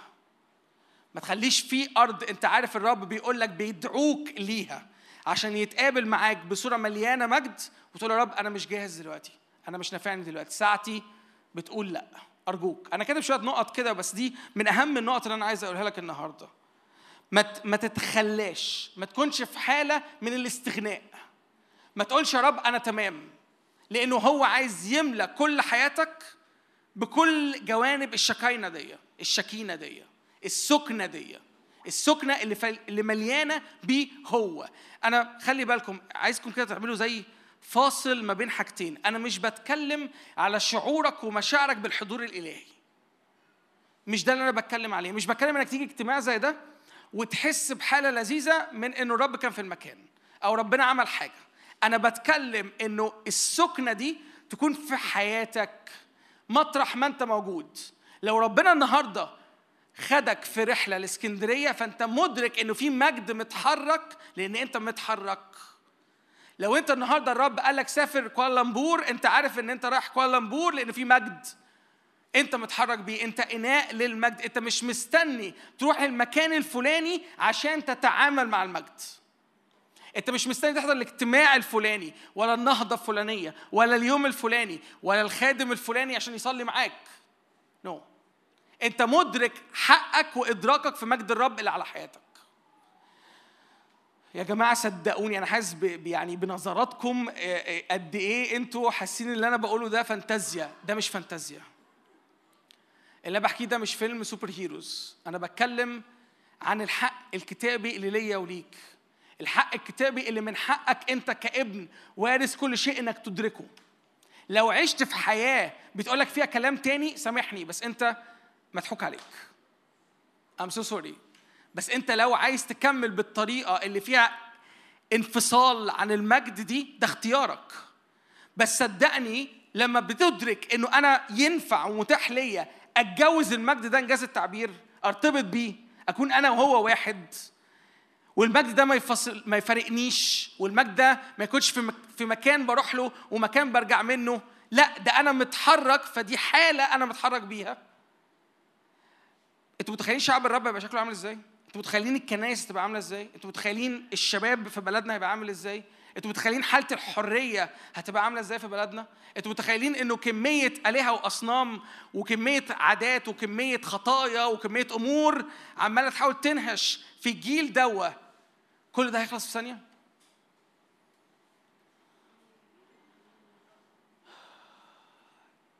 مش عارف انت انت فاهم اللي أنا بحاول اقوله ولا لأ بس كأن الرب النهارده بيوسعك لحالة المجد دي. كأن الرب النهارده بيوسع روحك ونفسك إنك تغير لحالة من انسكاب المجد دوا فأرجوك ما تطلعش النهارده من الاجتماع ده وأنت مش مستقبل ده. ما تسترخص حالة المجد دي. ما تضيعهاش. ما تقولش it's okay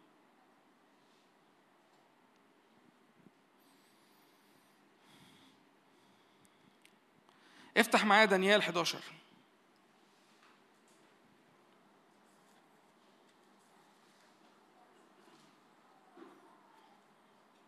أنا بفكرك الرب عنده قصد على حياتك ومقاصد الرب دي عشان تنجح أنت محتاج تكون مرتبط بالسكنة الإلهية في حياتك. السكنة دي بتخرج مجد بيرعب عدو الخير قبل ما يكون بيملاك.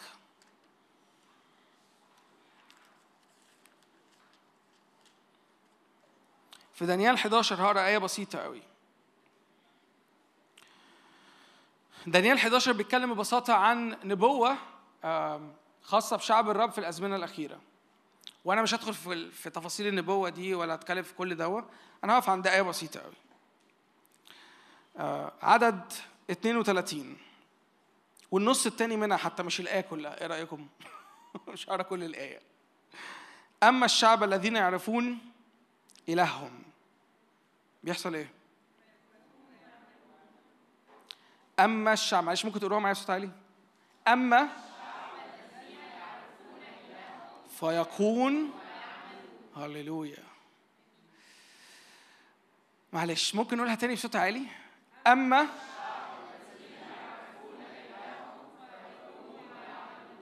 كم حد عايز ده؟ كم حد أنا بتكلم بجد كم حد عايز يكون في حالة إن هو فاهم كويس قوي إنه بيستقبل قوة طول الوقت وقادر يعمل أعمال للرب طول الوقت. خلي بالكم كلمة يعرفون هنا مش معناها معرفة. مش معناها معرفة يعني معلومات. معناها معرفة يعني التصاق أما الشعب الملتصق بالرب في الأزمنة الأخيرة. تاني أنا بفكركم. دي نبوة عن الأزمنة الأخيرة عن جيلنا عن الأزمنة بتاعتنا. لو أنت مش معانا يعني في الصورة فإحنا في هذا الجيل. فدانيال بيتنبأ إنه هتيجي أجيال في الأزمنة الأخيرة. وبيقول فيها حاجات كتيرة قوي لكن بيجي يتكلم عن مجموعة خاصة. المجموعة دي اللي هي ملتصقة بالرب اللي هي مدركة حجم السكنة اللي أنا كنت بحكي عليه ما بينهم وما بين الرب إنه المجد ده مش بيفارق. إن المجد دي مش حاجة كده طايرة في الهواء الحاجة دي practical عملية في حياتي وبتحسم أمور. الشعب دوا الملتصق بالرب بيحصل فيه إيه؟ بيقوى طول الوقت. طول الوقت عمال بيس بي بي بي يعني أنا كاتبها حتى بال English كده بي display strength هو طول الوقت عمال يخرج قوة. هو طول الوقت عمال ي display قوة. في قوة خارجة منه مش في حالة ضعف. مش في حالة إن أنا مش عارف أنا بعمل إيه مش في حالة توهة.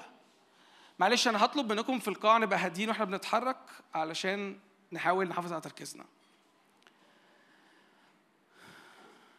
الشعب اللي بيطلع في الأزمنة الأخيرة دي ملتصق بالرب عمال ي display strength عمال يطلع قوة وفي نفس الوقت بيعمل حاجة تانية بي take action بيعمل أعمال للرب.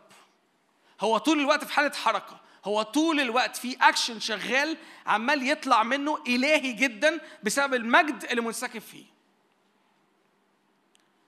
ده شكل الجيل اللي بيطلع في الأزمنة الأخيرة. دي نبوة دانيال قايلها على أزمنة الأخيرة اللي إحنا فيها. ده معروض ليا وليك طول الوقت. مش عارف تعرفين الآية دي ولا لأ بس أما من التصق بالرب فهو إيه؟ أما من التصق بالرب فهو روح واحد. في حاجة بتحصل لما بتلتصق بالرب إنك روحه وروحك بتصير واحد. فاللي بيحصل إن روح الرب بيأهلك طول الوقت للسكنة والسكنة طول الوقت بتطلع منك قوة واكشن بتطلع منك strength وبتطلع منك acts بتطلع منك أعمال.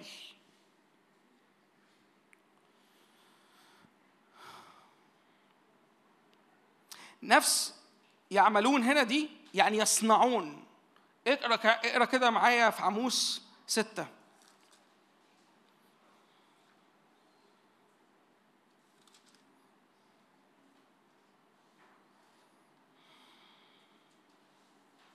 أنا آسف عموس تسعة.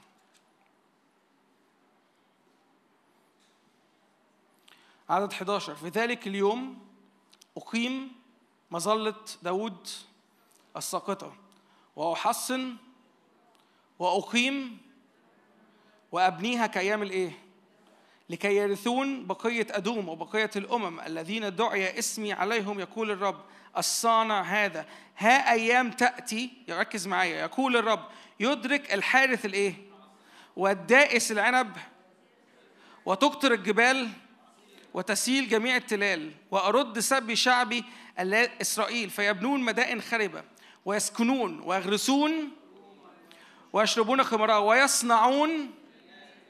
نفس كلمة يصنعون اللي هنا دي يصنعون جنات برضو دي نبوة لنهاية الأزمنة.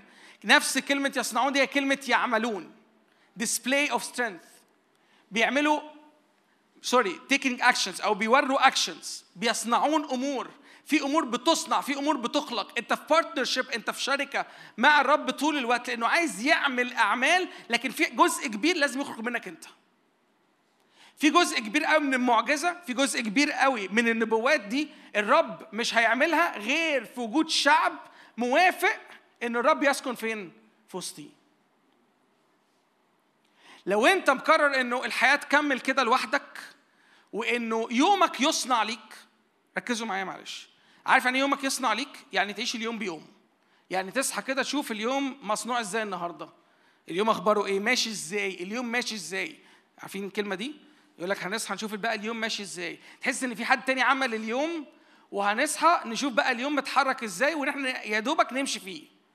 الرب بيقول لك هنا أنا في الأزمنة الأخيرة بطلع جيل بيصنع جنات. وأنت يعني في حالة إنه أنا بصحى بشوف يومي هيمشي إزاي. أنت مدرك إنه الرب بيديك سلطان على يومك إنك تصنع اليوم إنك تعمل يومك إنك تعمل تفاصيل يومك إنك تقول له يا رب اليوم ده ملك ليك أنت. لو أنا ليا السلطان إنه هيجي أزمنة هكون قادر أصنع جنات بالتالي أقل حاجة ينفع أعملها إن أنا أمتلك يومي. أصنع هذا اليوم. يكون في strength خارج من يومي ويكون في actions خارجة من يومي مليانة بالمجد. يا يسوع يا يسوع يا يسوع. يا جماعة اللي أنا بقول لك النهارده ده ببساطة ما تسيبش عدو الخير كفاية ياخد أراضي في حياتك أكتر من كده.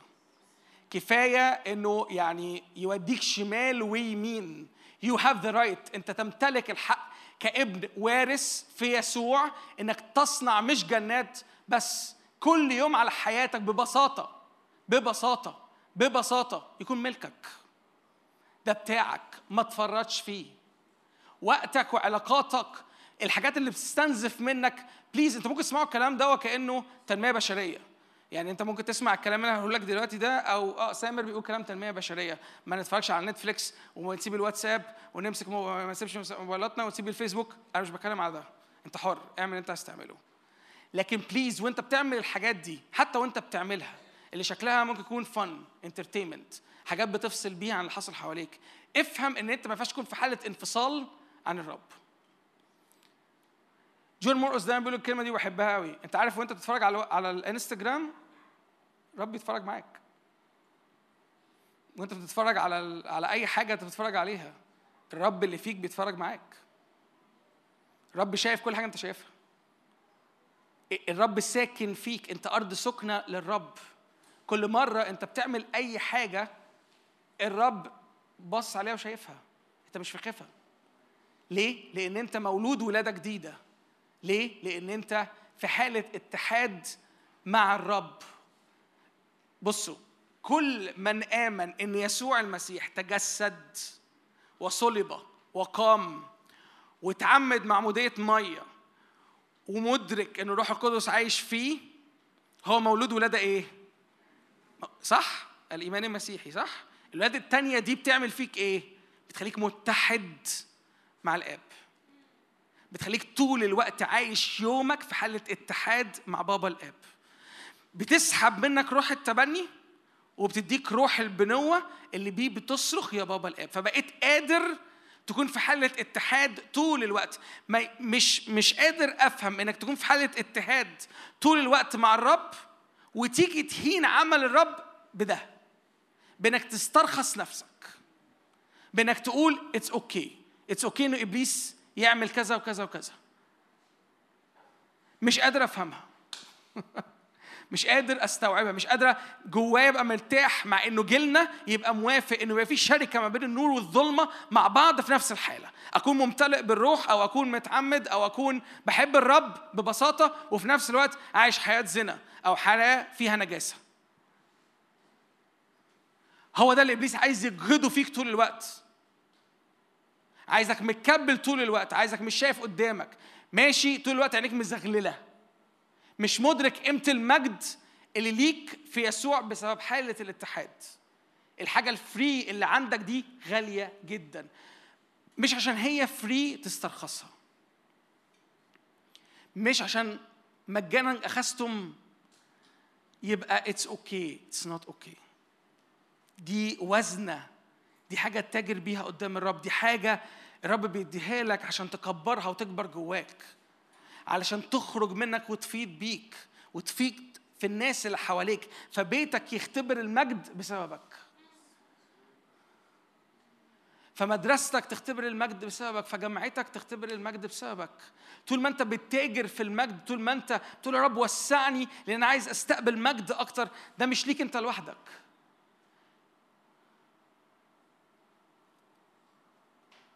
المجد ده الرب عايز يسكبه على الناس اللي حواليك. انت كل مرة بكره انك تنسحب من المعادلة دي أو تنسحب من الحياة اللي الرب دعيك ليها في في ناس في رقبتك. في ناس في رقبتك في بيت في رقبتك. في ناس ممكن يكونوا مش عارفوا الرب غير لو انت عايش الحياة دي الممتلئة بحياة المجد. ودي مقاصد الرب على حياتك. ودي دعوة الرب على جيلنا وعلى شبابنا. دي دعوة الرب لينا إن إحنا نكون نور في الظلمة.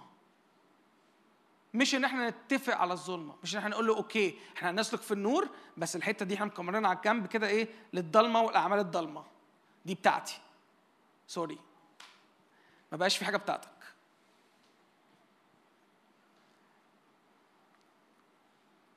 ما بقاش في حاجة بتاعتك. حياتك دي بقت باتفاقك مع الرب هي هي إناء للكرامة هي إناء للمجد هي إناء ليسوع إنه يظهر ويبان فيها. أنا مش عايز أكمل كلام أنا نفسي ناخد وقت نعبد الرب بس تقولي أعمل إيه بقى عمليا يا سامر؟ أنا مش عايز منك أكتر من إنك تقف تقول يا رب أنا ذا أمامك.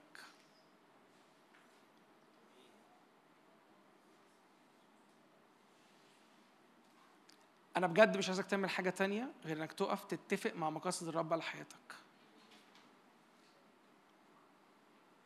المكان اللي الرب عايز يسكن فيه دوت طول الوقت أنتوا عارفين السكنة يعني إيه؟ السكنة يعني بيت، البيت يعني عيلة، العيلة يعني أب وإيه؟ أبناء. أنتوا مدركين إن السكنة دي بتخرج الابن اللي فيك؟ ببساطة. تقول لي أنا مش حاسس كده أنا حاسس إن أنا متضايق منه حاسس إن أنا زعلان حاسس إن هو مش سامعني.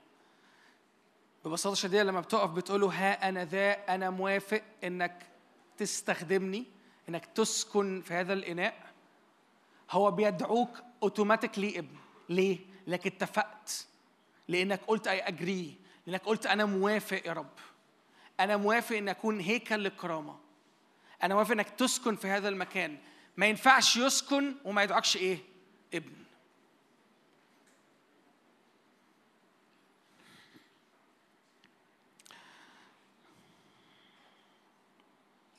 افتح معايا رؤية 21 آخر حاجة قبل ما نعبد شكلكم مش مصدقيني.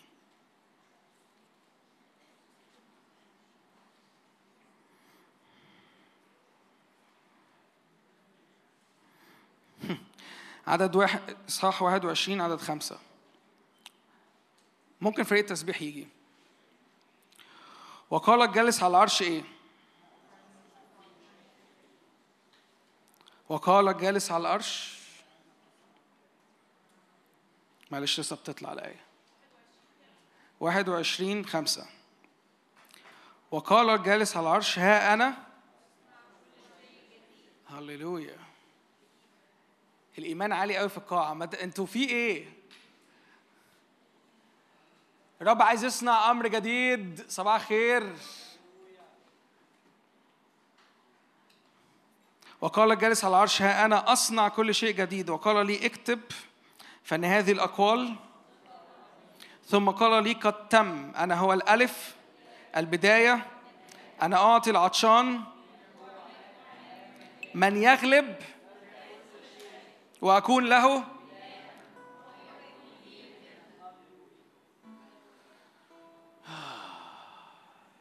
يا جماعة this is the story. هي دي القصة من الأول للآخر. الرب شايفك أرض للسكنة شايفك مكان وإناء إنه يسكن فيه. هو ده مسكن الله مع الناس. هو عايز يسكن فيك. وأوتوماتيكلي هو لما بيسكن في أبناء بيطلعوا. في أب بيبقى ظاهر وفي دعوة بتطلق للأبناء. أنت مش محتاج تعمل مجهود. مفيش حاجة هتعملها هتخلي ده يشتغل. أكتر من إنك تقف تقول له ها أنا ذا أنا متاح. أنا موافق. أنا بتفق معاك يا بابا الآب.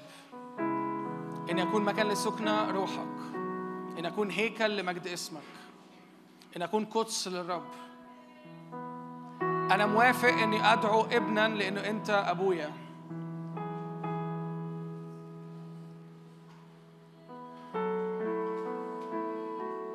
هو من الأول بيدور على مكان يسكن وسط شعبه من العهد القديم. كل اللي كان عايزه إنه يسكن وسط شعبه. كل اللي بابا بيدور عليه هو جسد هو نفس هو روح بتقول له أنا متاح ليك. أنا موافق إنك تسكن فيا. أنا موافق إنك تجددني إنك تصنع أمر جديد فيا. يثبت. أنا موافق إني أنسى أيام مشقتي.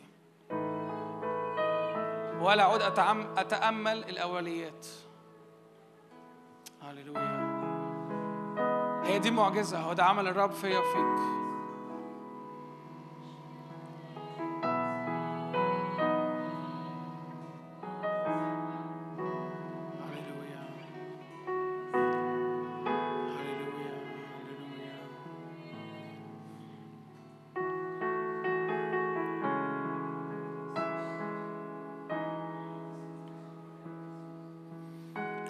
كده يا رب ليسكن المجد أرضي. ليسكن المجد هذه الأرض. لا أستهين بسكن روحك فيا.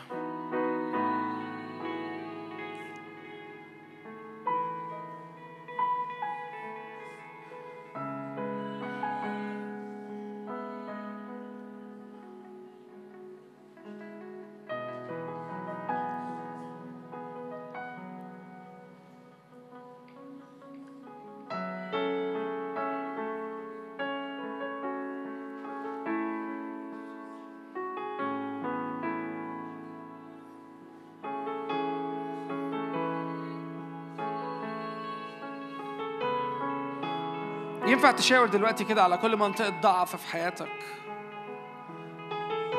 وقول يا رب غطيها بمجد تعالى أسكن في أرض قدستي. تعالى أسكن في بيتي. تعالى أسكن في علاقاتي.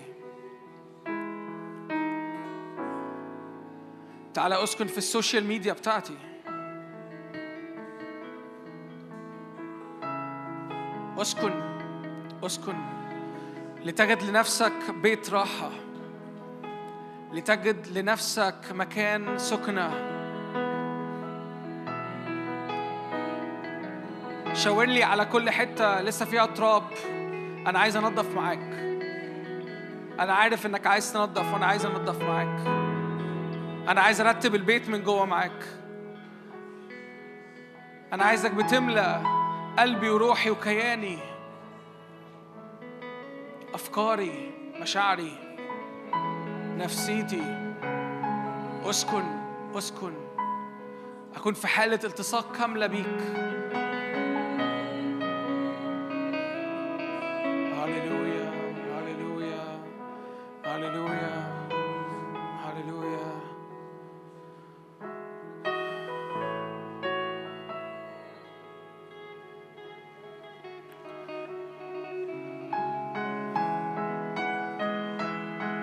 أمر جديد. الآن يخلق. الآن يثبت على حياتك على حياتك. يدعوك باسم جديد. يدعوك باسم جديد. هللويا هللويا هللويا هللويا. ما أرهب هذا المكان. قول يا رب أنا مش مكتفي يا رب بعلايقة مشتعلة بنار ولا بخيمة اجتماع. أنا عايز هيكل لمجد اسمك. أنا مش مكتفي بعلايقة بمقابلة. أنا جعان للترانسفورميشن. أنا جعان إنك تغير كل حاجة فيا إنك تنقلني من مجد إلى مجد. إنك تاخدني إلى تلك الصورة عينها إلى يسوع. هللويا. هللويا هللويا هللويا هللويا هللويا معلش أشجعك كده لو أنت حاسس إنك عايز تاخد الخطوات دي اقف في مكانك كده. خرج صوتك سمع كل ضعف حكي لضعفك عن يسوع اللي بيقدر يغير. حكي لضعفك عن يهوى اللي عايز يملى هذا الضعف بمجد. هللويا هللويا هللويا هللويا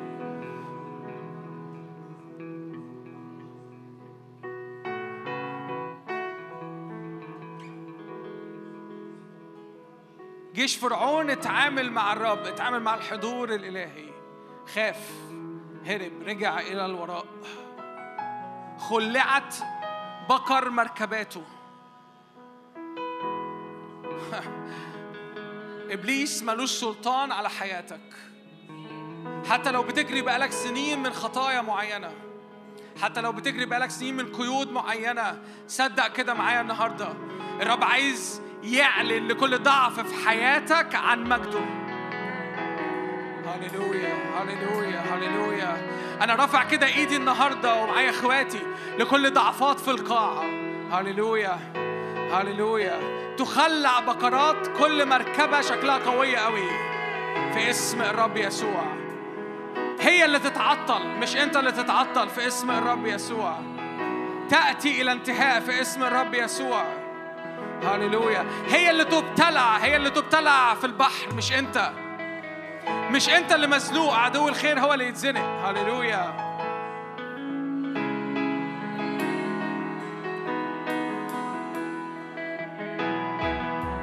المجد مش حالة من المشاعر المجد حالة من النصرة. هللويا.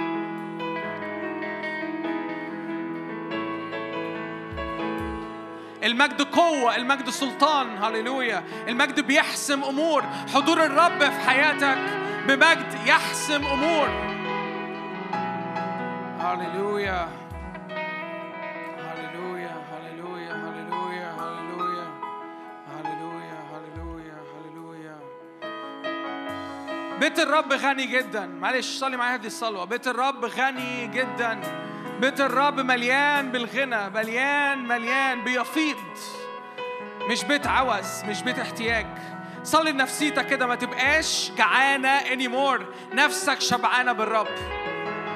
لأنه بيت الرب بيت شبع نفسك تكون شبعانة. هللويا. جسدك يكون شبعان. هللويا. هللويا. هللويا. هللويا. هللويا. روحك تكون شبعانة.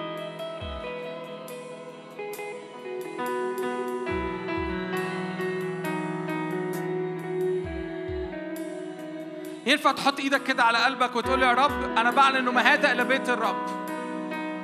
بابا أنا بعلن إنه هذا بيت الرب.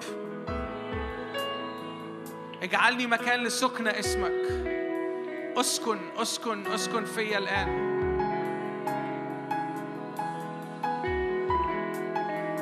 ادخل اعماقي اكشف اعماقي اكشف أكتر حتة فيا مش باينة حتى ليا. ممكن تكون امور في تربيتك ممكن تكون امور قديمة انت نسيتها بس الرب عايز لسه يتعامل معاها. هللويا هللويا هللويا هللويا. أنا بيتك قول له كده أنا بيتك أنا بيتك أنا بيتك أنا بيتك. أنا بيتك أنا بعلن كده إنه أنا بيتك. أنا بيت الرب. يهوى هنا الآن فيا مش في القاعة فيا أنا. يهوى هنا الآن. الرب الخالق الرب القدير الذي يصنع كل شيء. هللويا هللويا. استقبل محبته دلوقتي. ده وقت محبة. في أجواء مليانة بالمحبة. الرب بيناديك باسمك بيقولك أنت لي لا تخاف. دعيتك باسمك أنت لي. هللويا هللويا هللويا. استقبل استقبل. في محبة في محبة تدوب تدوب كل الأنا كل الكبرياء. في محبة في القاعة دلوقتي تدوب. استقبل لحياتك.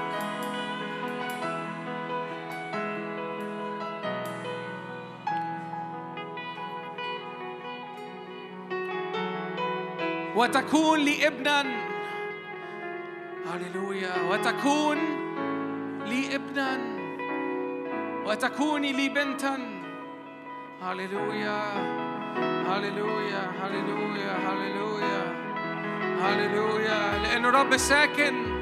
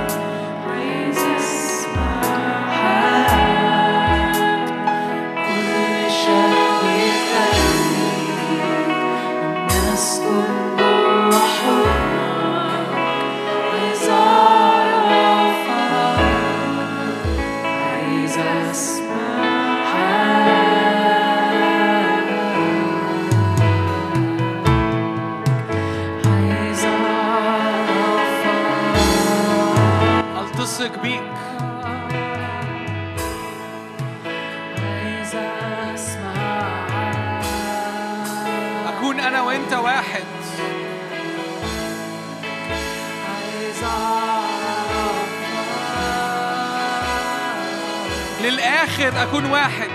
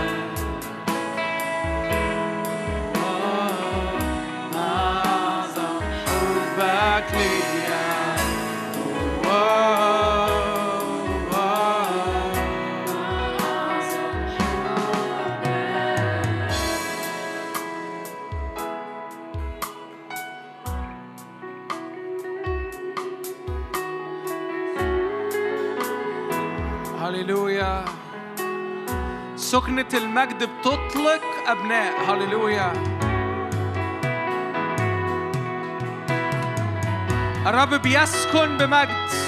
الرب مش بيسكن عادي الرب لما بيسكن يسكن بمجد. هللويا. هو يهوى الرب الإله. هو إله المجد. كل شعوب الأمم عارفة من هو الرب الإله. هللويا. هللويا هللويا هللويا هللويا. هي هي واو واو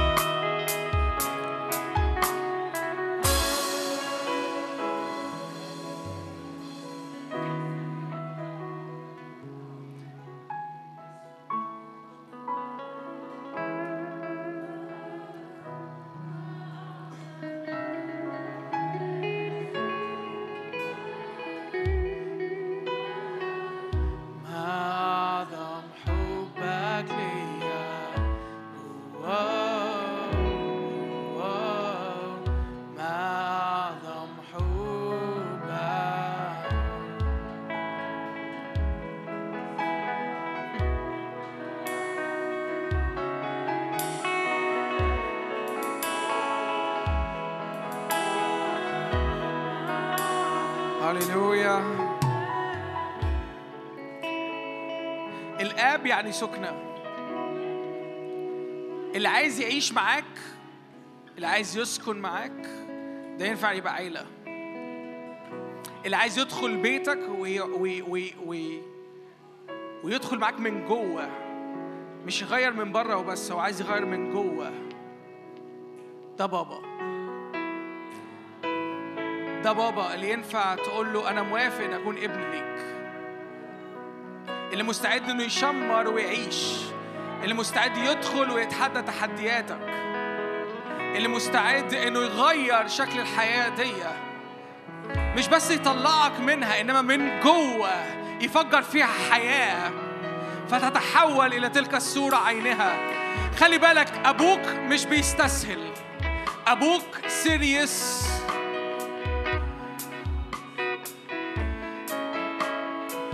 انت اغلى حاجة عنده. انت اغلى حاجة عنده.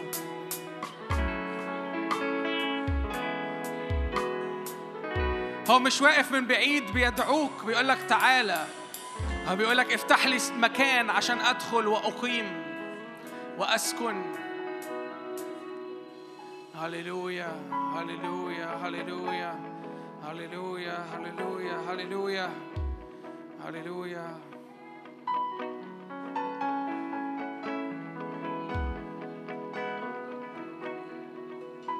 معلش ارفع إيدك كده معايا. كل ابواب في حياتك انت شايف مش عارف تويلكم بابا فيها.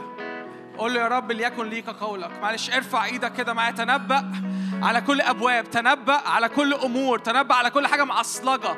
كل أمور كده أنت قلت يا رب يس الحتة دي أنا نفسي تتغير ونفسي أكون مدعي للمجد فيها بس مش حاصلة. معلش أقف كده معايا. تنبأ يا ابن آدم في سلطان في اسم يسوع. لما بتمارس هذا السلطان هللويا أنت بتعلن إن أنت قدس للرب أنت بتعلن إن أنا بيت للرب. هللويا. كل أبواب مغلقة تفتح أمام أبوك السماوي في اسم الرب يسوع. في حالة من الاقتحام الرب بيعرف يعملها حتى لو أنت مش عارف تفتح الباب. حتى لو الباب معصلج معاك حتى لو النجاسة معصلجة معاك حتى لو قداستك مش عارف تعيشها للآخر حتى لو علاقاتك بتفشل فيها اعلن هذا باب للرب. هذا باب باسم بابا. بابا السماوي الباب ده ملكك مش بتاعي أنا ده بتاعك أنت. اقتحمه. ارعب كل عدو خير فيه. كل عدو خير مستخبي وراه. كل أمور في نفسيتي. كل أمور في الأنا. هللويا هللويا. تنبأ يا ابن آدم. اعلن حياة الرب. اعلن مجد الرب عليك. على جسدك على نفسيتك على روحك. هللويا. ما تستسلمش لأي باب مغلق قدام الرب وتقول خلاص. هللويا. خليك عنيد مع عدو الخير. قول له مش من حقك. مش من حقك مش من حقك. مش من حقك تكون قافل الباب دوا والرب أمر إنه يفتح. مش من حقك. الرب قال إنه هذا الباب يفتح يبقى يفتح. هللويا هللويا هللويا هللويا هللويا هللويا.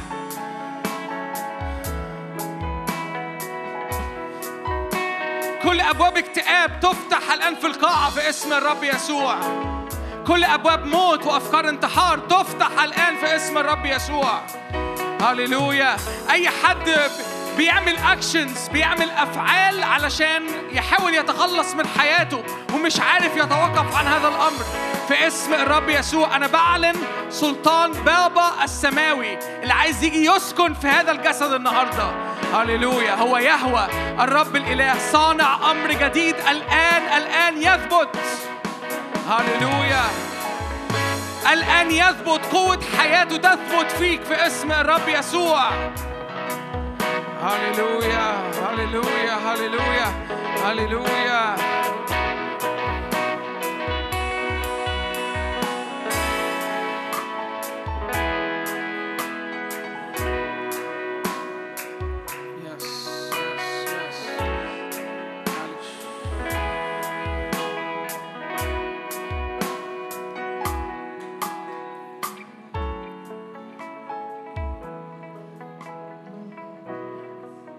حاجة أخيرة نفسي نعملها في الاجتماع معلش. أنا عايزك ترفع إيدك كده معايا شهر 8 شهر أغسطس. هللويا هللويا هللويا هللويا. اعلن كده إن الشهر ده شهر بدايات جديدة مع الرب. أربع أسابيع مليانة مليانة بدايات وخلقة جديدة. الرب بيدعو على أشياء غير موجودة فتصير موجودة في اسم الرب يسوع. الرب بيولد أمور الرب بيخلق أمور. هللويا هللويا هللويا. هللويا هللويا هللويا. لا موت بل حياة في اسم الرب يسوع. لا إجهاض لملكوته لا إجهاض لعمله لا إجهاض لا إجهاض للولادات الجديدة في اسم الرب يسوع. شيرا كريالا ما بروكوتوش صلي كده باللسان صلي في الروح. هللويا. لا إجهاض في اسم الرب يسوع. شهر للولادات القوية في اسم الرب يسوع. تولد أمور في الروح قوية في اسم الرب يسوع. هللويا هللويا هللويا هللويا هللويا. قال فكان قال فكان. هللويا. حتى لو أرضك خربة وخالية هللويا. ليكن نور. صلي معايا هذه الصلوات. ليكن نور. هللويا هو قال ليكن فكان نور ضد كل فوضى ضد كل تخريب من عدو الخير. هللويا ليكن نور.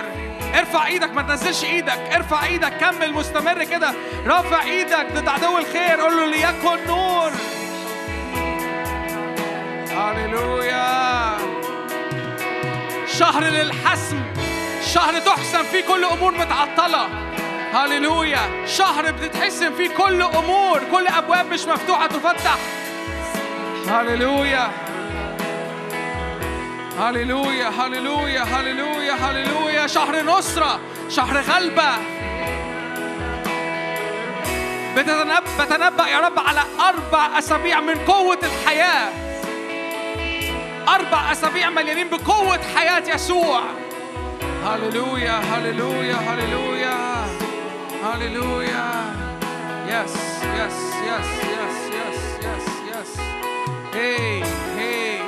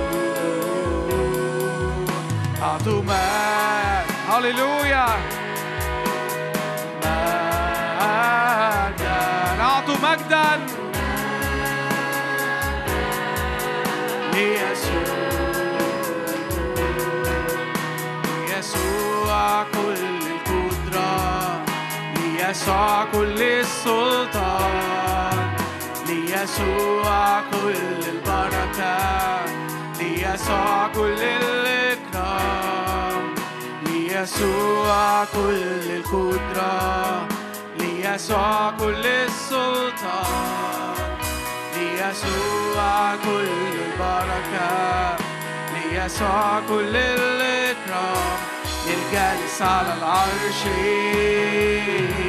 وللحمال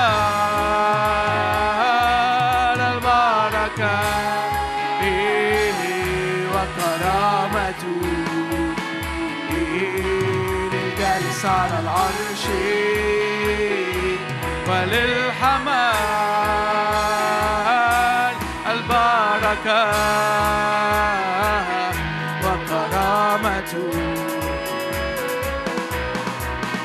حبتني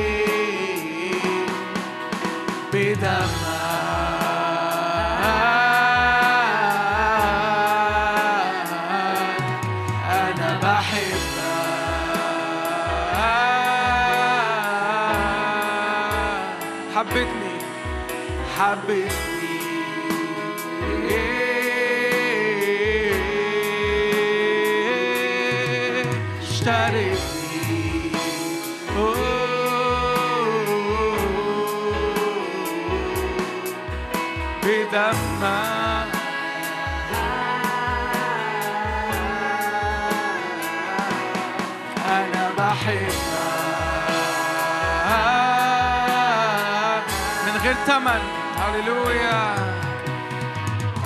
من غير تمن من غير عمل ليا قبول علشان انت كنت الحمل ليا دخول من غير تمن من غير عمل ليا قبول علشان كنت الحمل ليا دخول. حبتني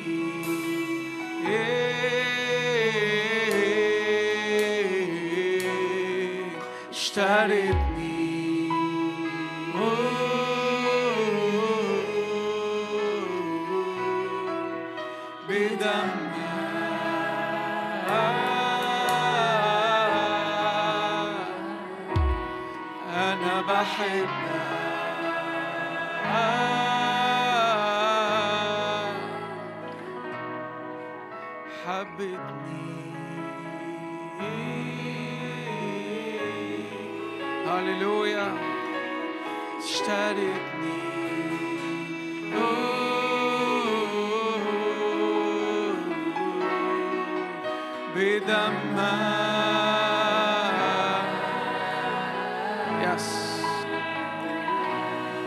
أنا بحبك.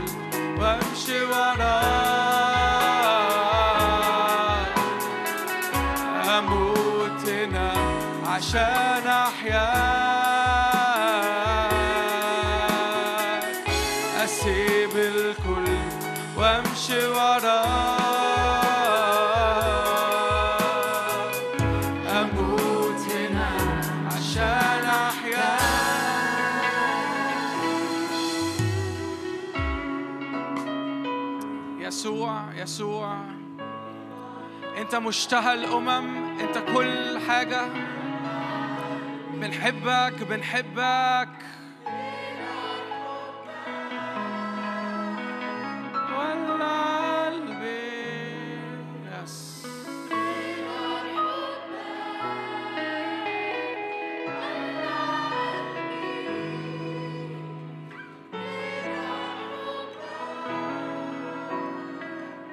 صدق كده إن الرب النهارده خلق حاجة في روحك في قلبك. هللويا هللويا. يمكن يكون خلق جواك أعماق لجوع جديد.